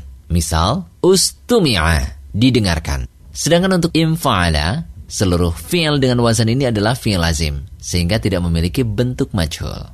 Dan istafa'ala ke dalam bentuk fi'il majhul menjadi ustufa'ila. Hamzah dan tak merupakan huruf ziyadah sehingga didomahkan. Sedangkan ain adalah satu huruf sebelum huruf terakhir sehingga dikasrohkan. Contoh, ustuk mila, telah disempurnakan. Kedua, kita bahas rumus fi'il mudhari majhul. Rumus fi'il mudhari majhul adalah huruf pertama didomahkan dan satu huruf sebelum huruf terakhir difathahkan. Perbedaannya dengan fi'il mudhari majhul, hanya pada kondisi satu huruf sebelum huruf terakhir di mana pada fi'il madi dikasrohkan sedangkan pada fi'il mudhari difathahkan. Wazan fi'il mudhari bab 1 dan 5 tulati mujarad adalah sama. Akan tetapi karena bab 5 tidak memiliki bentuk majhul, maka rumus ini hanya berlaku untuk bab 1 saja. Perhatikan pola perubahan berikut. Yaf'ulu. Huruf pertama adalah ya, kemudian diganti harokatnya menjadi domah. Satu huruf sebelum huruf terakhir difathahkan. Perhatikan bahwa huruf yang dimaksud adalah huruf ain. Asalnya, ain berharokat doma, kemudian harokatnya diganti fathah menjadi yuf'alu. Sekarang mari kita terapkan rumus ini pada fi'il yang masuk ke bab 1. Fi'il bab 1. Yadhkuru, sedang mengingat atau menyebut. Kemudian berubah ke fi'il majhul menjadi yudhkaru, sedang diingat atau disebut. Kemudian yaktulu, sedang membunuh. Berubah menjadi fi'il majhul menjadi yuqtalu, sedang dibunuh. Wazan fi'il mudhari bab 2 dan 6 tulati mujarad sama, sehingga rumus majhul untuk keduanya juga sama. Perhatikan pola perubahan berikut. Yaf'ilu. Huruf pertama adalah ya, diganti harokatnya menjadi domah. Kemudian satu huruf sebelum huruf terakhir difathahkan. Perhatikan bahwa huruf yang dimaksud adalah huruf ain. Asalnya, ain berharokat kasrah. Kemudian harokatnya diganti fathah menjadi yuf'alu. Sekarang mari kita terapkan rumus ini pada fi'al yang masuk ke bab 2 dan bab 6. Yadribu, sedang memukul. Berubah ke fi'al majhul menjadi yudrabu, sedang dipukul. Yaghfiru, sedang mengampuni. Berubah ke fi'al majhul menjadi yughfaru, sedang diampuni. Fi'al bab 6, yahsibu, sedang menghitung. Ke dalam bentuk fi'al majhul menjadi yuhsabu, sedang dihitung. Wazan fi'il mudhari bab 3 dan 4 tulati mujarad sama, sehingga rumus majhul untuk keduanya juga sama. Perhatikan pola perubahan berikut. Ya fa'alu. Huruf pertama adalah ya, kemudian diganti harokatnya menjadi domah. Satu huruf sebelum huruf terakhir difathahkan. Perhatikan bahwa huruf yang dimaksud adalah huruf ain. Karena huruf ain sudah berharokat fathah, maka ini sudah sesuai dengan rumus. Sekarang mari kita terapkan rumus ini pada fi'il yang masuk ke bab 3 dan bab 4. Fi'il bab 3 Yaqra'u, sedang membaca. Yuqra'u, sedang dibaca. Yaftahu, sedang membuka. Yuftahu, sedang dibuka. Fi'il bab 4, yasma'u, sedang mendengar. Berubah ke dalam bentuk fi'il majhul menjadi yusma'u, sedang didengar. Ya'lamu, sedang mengetahui. Berubah menjadi fi'il majhul menjadi ya'lamu, sedang diketahui. Rumus fi'il mudhari majhul thulathi mazid. Rumus perubahan fi'il mudhari majhul untuk thulathi mazid sama dengan rumus perubahan fi'il mudhari thulathi mujarad, yaitu didomahkan huruf pertamanya dan difathahkan satu huruf sebelum huruf terakhir. Tidak ada kaidah tambahan sebagaimana rumus fi'il madi majhul thulathi mazid. Yufa'ilu berubah menjadi majhul, yufa'alu. Huruf pertama sudah domah, satu huruf sebelum huruf terakhir adalah ain yang berharokat kasrah kemudian diganti harokatnya menjadi fathah. Contohnya, yushabbahu, sedang diserupakan. Kemudian maklum, yufa'ilu, berubah menjadi majhul, yufa'alu, contohnya, yuqatalu, sedang diperangi. Kemudian yuf'ilu, berubah menjadi yuf'alu, contohnya, yukromu, sedang dimuliakan. Yatafa'alu berubah menjadi yutafa'alu. Huruf pertama adalah ya yang berharokat fathah, kemudian diganti harokatnya menjadi domah. Satu huruf sebelum huruf terakhir sudah fathah sehingga sudah sesuai kaidah. Contohnya, yuta'allamu, sedang dipelajari. Yatafa'alu, majhulnya menjadi yutafa'alu. Contohnya, yutakatharu, sedang diperbanyak. Yafta'ilu, berubah menjadi yufta'alu. Huruf pertama adalah ya yang berharokat fathah. Kemudian diganti harokatnya menjadi domah. Satu huruf sebelum huruf terakhir adalah ain yang berharokat kasrah. Kemudian diganti harokatnya menjadi fathah. Contohnya, yustama'u, sedang didengarkan. Yamfa'ilu, seluruh fi'il dengan wazan ini adalah fi'il lazim sehingga tidak memiliki bentuk majhul. Yastafa'ilu berubah menjadi yustafa'alu. Contohnya, yustakmalu, sedang disempurnakan. Berikut ini tabel lengkap perubahan dari fi'il maklum ke fi'il majhul. Bab 1, asalnya fa'ala yaf'ulu menjadi fu'ila yaf'alu. Contohnya, qatala yaqtulu menjadi qutila yuqtalu.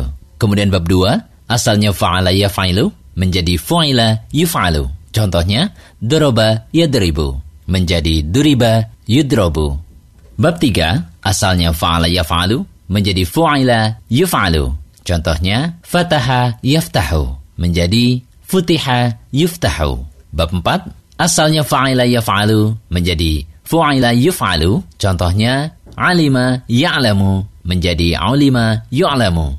Sementara untuk bab 5, fa'ala yaf'alu tidak bisa diubah ke bentuk majhul.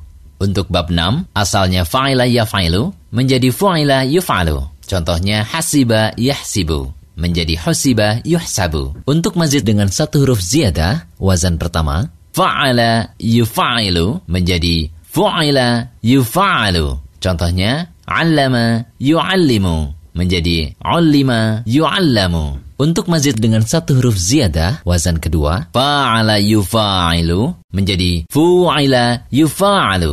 Contohnya, qatala yuqatilu menjadi qutila yuqatalu. Untuk mazid dengan satu huruf ziyadah, wazan ketiga, af'ala yuf'ilu menjadi uf'ila yuf'alu. Contohnya, arsala yursilu menjadi ursila yursalu. Untuk mazid dengan dua huruf ziyadah, wazan pertama, tafa'ala yatafa'alu menjadi tufu'ila yutafa'alu. Contohnya, ta'allama yata'allamu menjadi tu'allima yuta'allamu. Untuk mazid dengan dua huruf ziyadah, wazan kedua, asalnya tafa'ala yatafa'alu menjadi tufu'ila yutafa'alu. Contohnya, takatharo yatakatharu menjadi tuku thiro yutakatharu. Untuk mazid dengan dua huruf ziyadah, wazan ketiga, ifta'ala yafta'ilu menjadi uftu'ila yufta'alu. Contohnya, istama'a yastami'u menjadi ustumi'a yustama'u. Untuk mazid dengan dua huruf ziyadah, wazan keempat, infa'ala yanfa'ilu tidak bisa diubah ke bentuk majhul. Dan yang terakhir, untuk mazid dengan tiga huruf ziyadah, istafa'ala yastafa'ilu menjadi ustufa'ila yustafa'alu. Contohnya, istaghfaro yastaghfiru menjadi ustughfiro yustaghfaru. Demikian dars yang ke-24. Semoga bermanfaat. Assalamualaikum warahmatullahi wabarakatuh.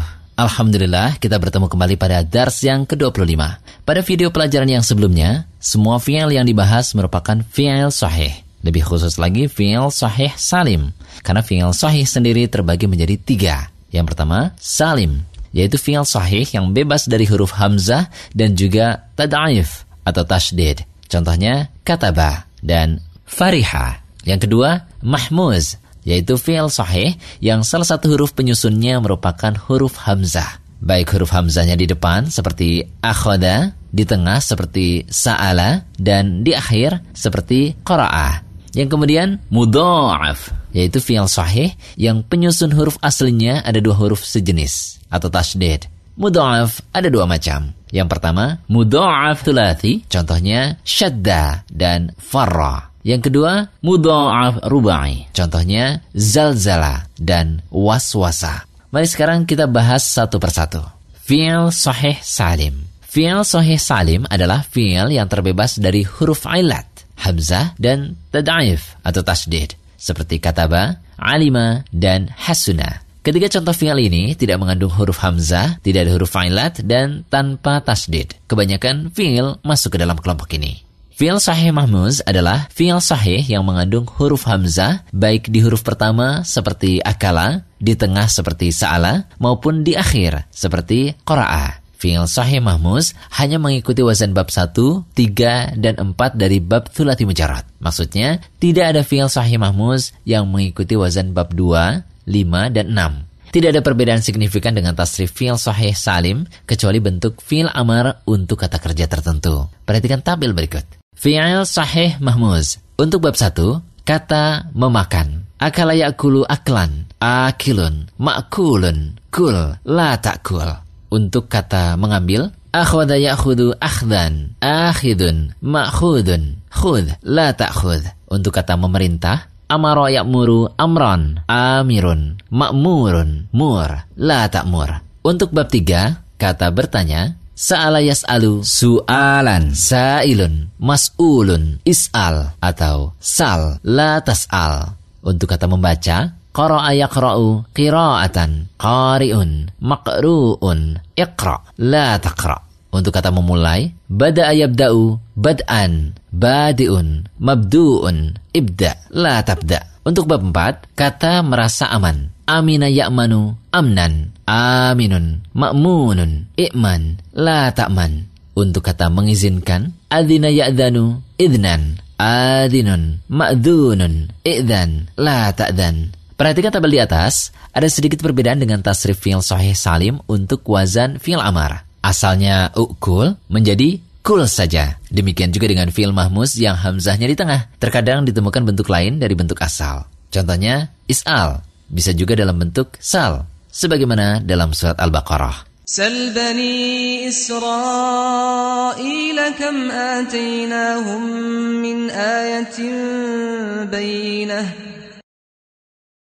Di ayat lain, فاسألوا أهل الذكر إن كنتم akan tetapi untuk fi'il mahmus yang hamzahnya ada di huruf terakhir atau lam fi'il memiliki bentuk yang sama persis dengan fi'il sahih seperti qara'a dan bada'a. Hal-hal yang semacam ini insya Allah dapat dipahami dengan sendirinya seiring dengan interaksi yang intens dengan literatur-literatur bahasa Arab terutama Al-Quran, hadis, dan kitab para ulama. Oleh karena itu, sangat penting bagi para pemula untuk tidak berhenti pada belajar kaidah saja, melainkan juga harus sering berlatih menerapkannya. Fi'il sahih mudha'af Fi'il sahih mudha'af adalah fi'il sahih yang pada asalnya memiliki tiga huruf sempurna. Hanya saja karena ada dua huruf yang sama berdampingan, maka dua huruf ini dilebur jadi satu menjadi ditasdidkan. Contohnya, rodda. Asalnya adalah rodada. Fi'il sahih mudha'af mengikuti wazan bab 1, 2, dan 4 tulati mujarad. Maksudnya, tidak ada fi'il sahih mudha'af yang mengikuti wazan bab 3, 5, dan 6 dari tulati mujarad. Silahkan perhatikan tabel berikut. Fi'il sahih mudha'af bab 1, kata menolak. Rodda yaruddu, roddan, raddun, mardudun, rudda, la tarudda. Untuk kata mengkhususkan, khossa yakhussu, khususon, khosun, makhsusun, khussa, la tahussa. Untuk kata menunjukkan, dalla yadullu, dilalatan, dalun, madlulun, dulla, la tadulla. Untuk kata melalui, marra yamurru, mururon, marun, mamrurun, murra, la tamurra. Untuk kata mengikat, syadda yashuddu, syaddan, syaddun, masdudun, syudda, la tashudda. Untuk kata menyebarkan, batha yabuthu, bathan, bathun, mabthuthun, butha, la tabutha. Bab 2, untuk kata berlari, farro yafirru firaran, farun, mafrurun, firra, la tafirra. Untuk kata halal, halla yahillu halalan, halun, mahlulun, hilla, la tahilla. Untuk kata sempurna, tamma yatimmu, tamaman, ta'ammun, matmumun, timma, la tatimma. Untuk kata bersungguh-sungguh, jadda ya jiddu, jiddan, jadun, majdudun, jidda, la tajidda. Untuk kata mulia, azza ya'izzu izzatan, azzun, ma'zuzun, izza, la ta'izza. Untuk kata menunduk, kharra yakhirru khururan, kharrun, makhrurun, khirra, la takhirra. Untuk kata sesat, dalla yadillu dalalatan, dallun, madlulun, dilla, la tadilla. Untuk kata tergelincir, zalla yazillu, zallan, zallun, mazlulun, zilla, la tazilla. Bab 4, untuk kata menggigit. Adda ya'addu, addan, addun, ma'dudun, adda, la ta'adda. Untuk kata celaka, tabba ya tabbu, tabban, tabbun, mathbubun, tabba, la tatabba. Untuk kata menyentuh, massa ya massu, massan, masun, mamsusun, massa, la tamassa. Dan untuk kata mencium, syamma ya syammu, syamman, syammun, mashmumun, syamma, la tasyamma. Demikian dars yang ke-25. Semoga bermanfaat. Assalamualaikum warahmatullahi wabarakatuh. Pada dars yang ke-26 ini kita akan membahas tentang fi'il mu'tal. Fi'il mu'tal adalah lawan dari fi'il sahih, di mana fi'il mu'tal adalah fi'il yang mengandung satu atau dua huruf ailat dalam unsur penyusunnya. Huruf ailat ada tiga, alif, huruf wawu, dan huruf ya. Fi'il mu'tal terbagi menjadi empat. Yang pertama, mithal, yaitu fi'il yang huruf fa fi'ilnya atau huruf pertama merupakan huruf ailat. Dinamakan mithal karena bentuknya seperti bentuk sahih ketika fi'il madhi yang terbebas dari ailat. Contohnya, wa'ada, berjanji, dan waqa'a, terjadi. Yang kedua, ajwaf, yaitu fi'il yang ain fi'ilnya atau huruf kedua merupakan huruf ailat. Contohnya, qala, berkata, dan ba'a, menjual. Dinamakan ajwaf karena menyerupai sesuatu yang diambil dari dalamnya sehingga menjadi berongga. Ini disebabkan ain fi'ilnya sering kali hilang pada bentuk tertentu. Contohnya, qul, lam yaqul, bi' lam yabi'. Yang ketiga, naqis, yaitu fi'il yang lam fi'ilnya atau huruf ketiga merupakan huruf ailat. Contohnya, sa'a, berusaha, dan da'a, berdoa. Dinamakan naqis karena huruf terakhirnya menjadi kurang ketika jazm dan waqaf. Yang keempat, lafif, yaitu fi'il yang mengandung dua huruf ailat. Fi'il lafif terbagi menjadi dua, lafif mafruk, yaitu kata yang huruf fa dan lam fi'ilnya merupakan huruf ailat. Contohnya, waqa, melindungi, dan waliyah, memerintah. Mafruk artinya terpisah. Maksudnya antara dua huruf ilatnya dipisahkan oleh huruf yang sahih. Lafif makrun adalah kata yang huruf ain dan lam fi'ilnya merupakan huruf ailat. Contohnya, nawa, berniat, dan qawiyah, kuat. Makrun artinya tersambung. Maksudnya, dua huruf ailatnya langsung bertemu tanpa dipisahkan. Nah, supaya kita tidak keliru mana yang huruf ailatnya di depan, di tengah, dan di akhir, kita bisa menggunakan rumus MAN, man, di mana M, misal, A, ajwaf, dan N, naqis, M di depan, A di tengah, N di akhir. Selanjutnya mari kita bahas lebih rinci satu persatu. Fi'il mithal. Fi'il mithal adalah fi'il yang mengandung huruf ailat pada huruf pertama atau fa'fi'il. Fi'il mithal ada dua. Yang pertama fi'il mithal wawu. Ini adalah kelompok fi'il mithal yang huruf ailatnya adalah huruf wawu. Contohnya wajada, mendapatkan, dan walada, melahirkan. Kebanyakan fi'il mithal adalah dari jenis ini. Yang kedua, fi'il mithal iya. Ini adalah kelompok fi'il mithal yang huruf ailatnya adalah huruf ya. Contohnya yasaro, mudah, dan Ya'isa, berputus asa. Sama sekali tidak ada fi'al mithal yang huruf depannya alif. Wazan fi'al mithal mengikuti keenam wazan thulati mujarrad kecuali wazan bab satu. Tidak ada fi'al mithal yang mengikuti wazan bab satu. Perhatikan tabel berikut ini untuk memahami mauzun fi'al mithal. Bab 2, kata berjanji. Wa'ada ya'idu wa'dan, wa'idun, mau'udun, aid, la ta'id. Kata menyambung, wasola yasilu wusulan, wasilun, mausulun, sil, la tasil. Kata mendapat, wajada yajidu wijdanan, wajidun, maujudun, jid, la tajid. Kata menimbang, wazana yazinu waznan, wazinun, mauzunun, zin, la tazin. Kata wajib, wajaba yajibu wujuban, wajibun, maujubun, jib, la tajib. Kata terdapat, waroda yaridu wurudan, waridun, maurudun, rid, la tarid. Kata berdiam, waqafa yaqifu, waqfan, waqifun, mauqufun, qif, la taqif. Kata melahirkan, walada yalidu wiladatan, walidun, mauludun, lid, la talid. Kata mudah, yassara, yaisiru, yasron, yasirun, maisurun, isir, la taisir. Kemudian bab tiga, kata meletakkan. Wado'a, yadong, wada'an, wadi'un, maudu'un, da' la tada' kata jatuh waqa'a yaqa'u wuqu'an waqi'un mauqu'un qa' la taqa' kata memberi wahaba yahabu wahban wahibun mauhubun hab la tahab. Kemudian bab 4 kata bergetar wajila yaujalu. Wajalan. wajilun ijal la taujal. Kemudian kata meluas wasi'a yausa'u was'an wasi'un mau'usun isa la tausa kata menjadi kotor wasikha yausahu wasakhon wasikhun isah la tausah kata berputus asa ya isa yai asu ya'san ya'isun Mai usun. Ias, la taias.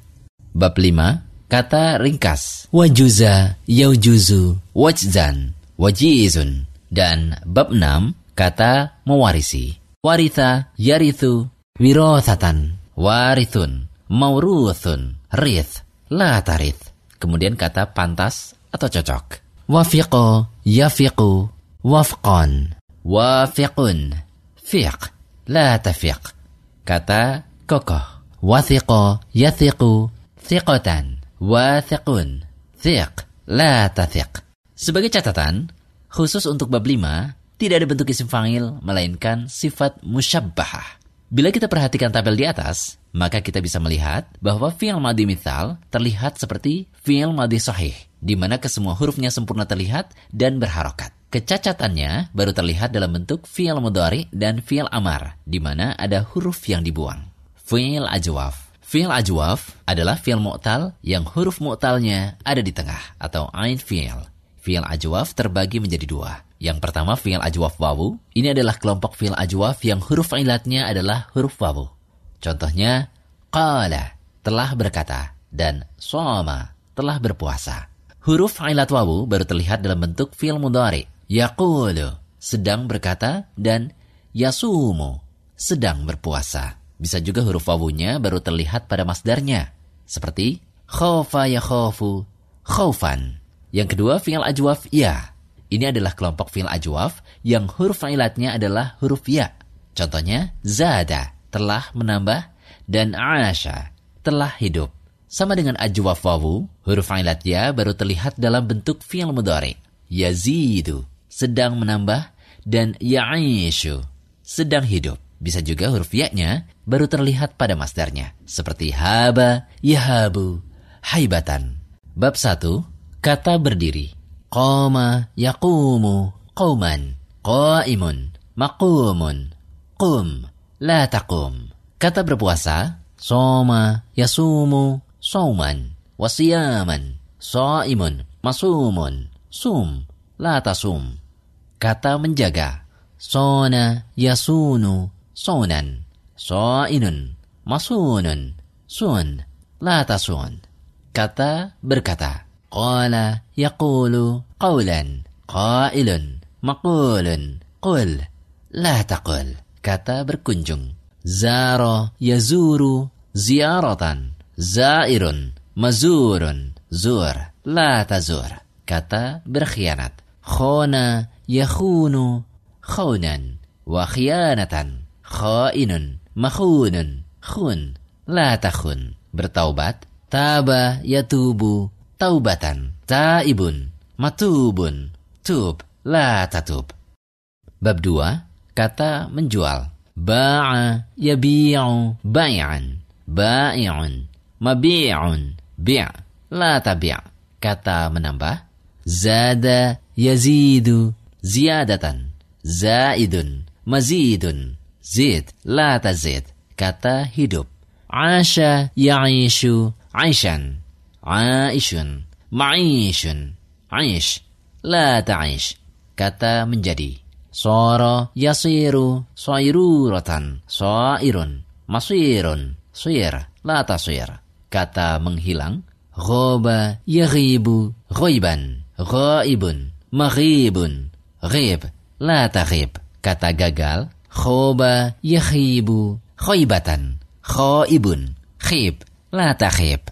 Bab tiga, kata takut. Khofa yakhofu khaufan. Khaifun. Makhufun. Khof. La takhof. Kata tidur. Nama yanamu nauman. Naimun. Manumun. Nam. La tanam. Kata taat. Ta'a yata'u tau'an. Ta'i'un. Matu'un. Ta' la tata' kata memperoleh. Nala yanalu nailan. Nailun. Manilun. Nal. La tanal. Kemudian yang terakhir bab lima, kata panjang. Tola yatulu taulan. Tawilun.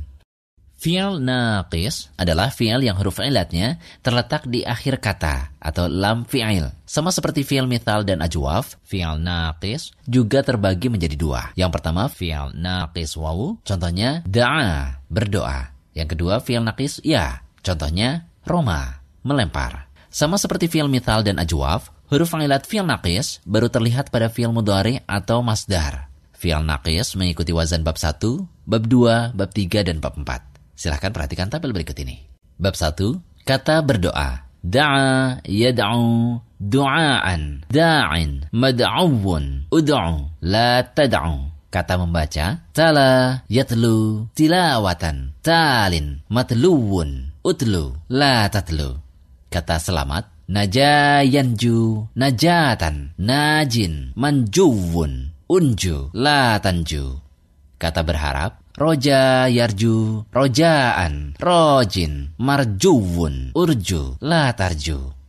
Kata berperang, ghoza yakhzu, ghazwan, ghazin, makhzuwun, ukhzu, la takhzu. Kata kosong, khola yakhlu, khuluwan, kholin, makhluwun, ukhlu, la takhlu. Kata memaafkan, afa, ya'fu, afwan, afin, ma'fuwun, ofu, la ta'fu. Kata mengadukan, syaka yashku, syakwan, syakin, mashkuwun, ushku, la tashku.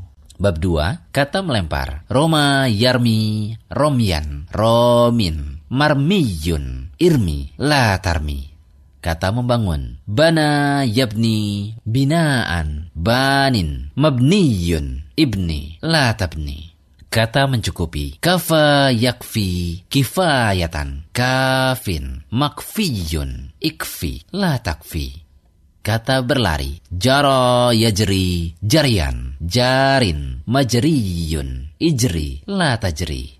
Kata menangis. Baka yabki, bukaan, bakin, ibki, la tabki. Kata berzina, zana yazni, zinan, zanin, mazniyun, izni, la tazni. Kata melindungi, hama yahmi, hamyan, hamin, mahmiyun, ihmi, la tahmi kata mengisahkan haka yahki hikayatan hakin mahkiyun ihki la tahki kata berlalu mado yamdi madon madin imdi la tamdi. Kata bermaksiat asa ya'si isyanan asin ma'siyun i'si la ta'si.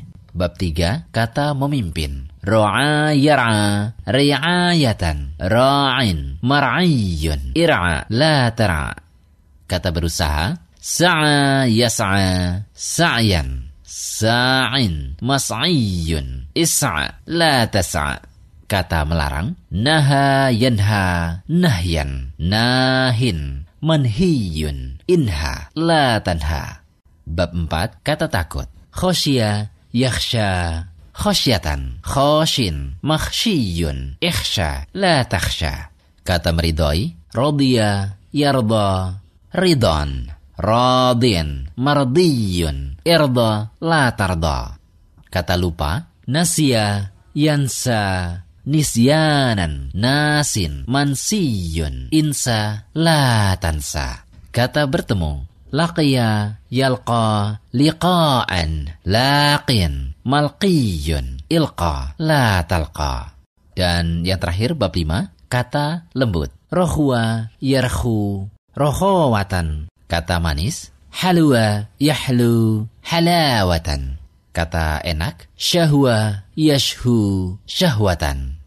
Fi'il lafif makrun. Fi'il lafif makrun adalah fi'il yang mengandung dua huruf ilat berturut-turut atau bersambung langsung. Fi'il lafif makrun hanya mengikuti wazan bab 2 dan bab 4 saja. Perhatikan tabel berikut ini. Bab 2, kata berniat. Nawa yanwi niyatan. Nawin manwiyun inwi la tanwi. Kata meriwayatkan, rawa yarwi riwayatan, rawin marwiyun irwi la tarwi. Kata menyetrika, kawa yakwi kayan, kawin makwiyun ikwi la takwi.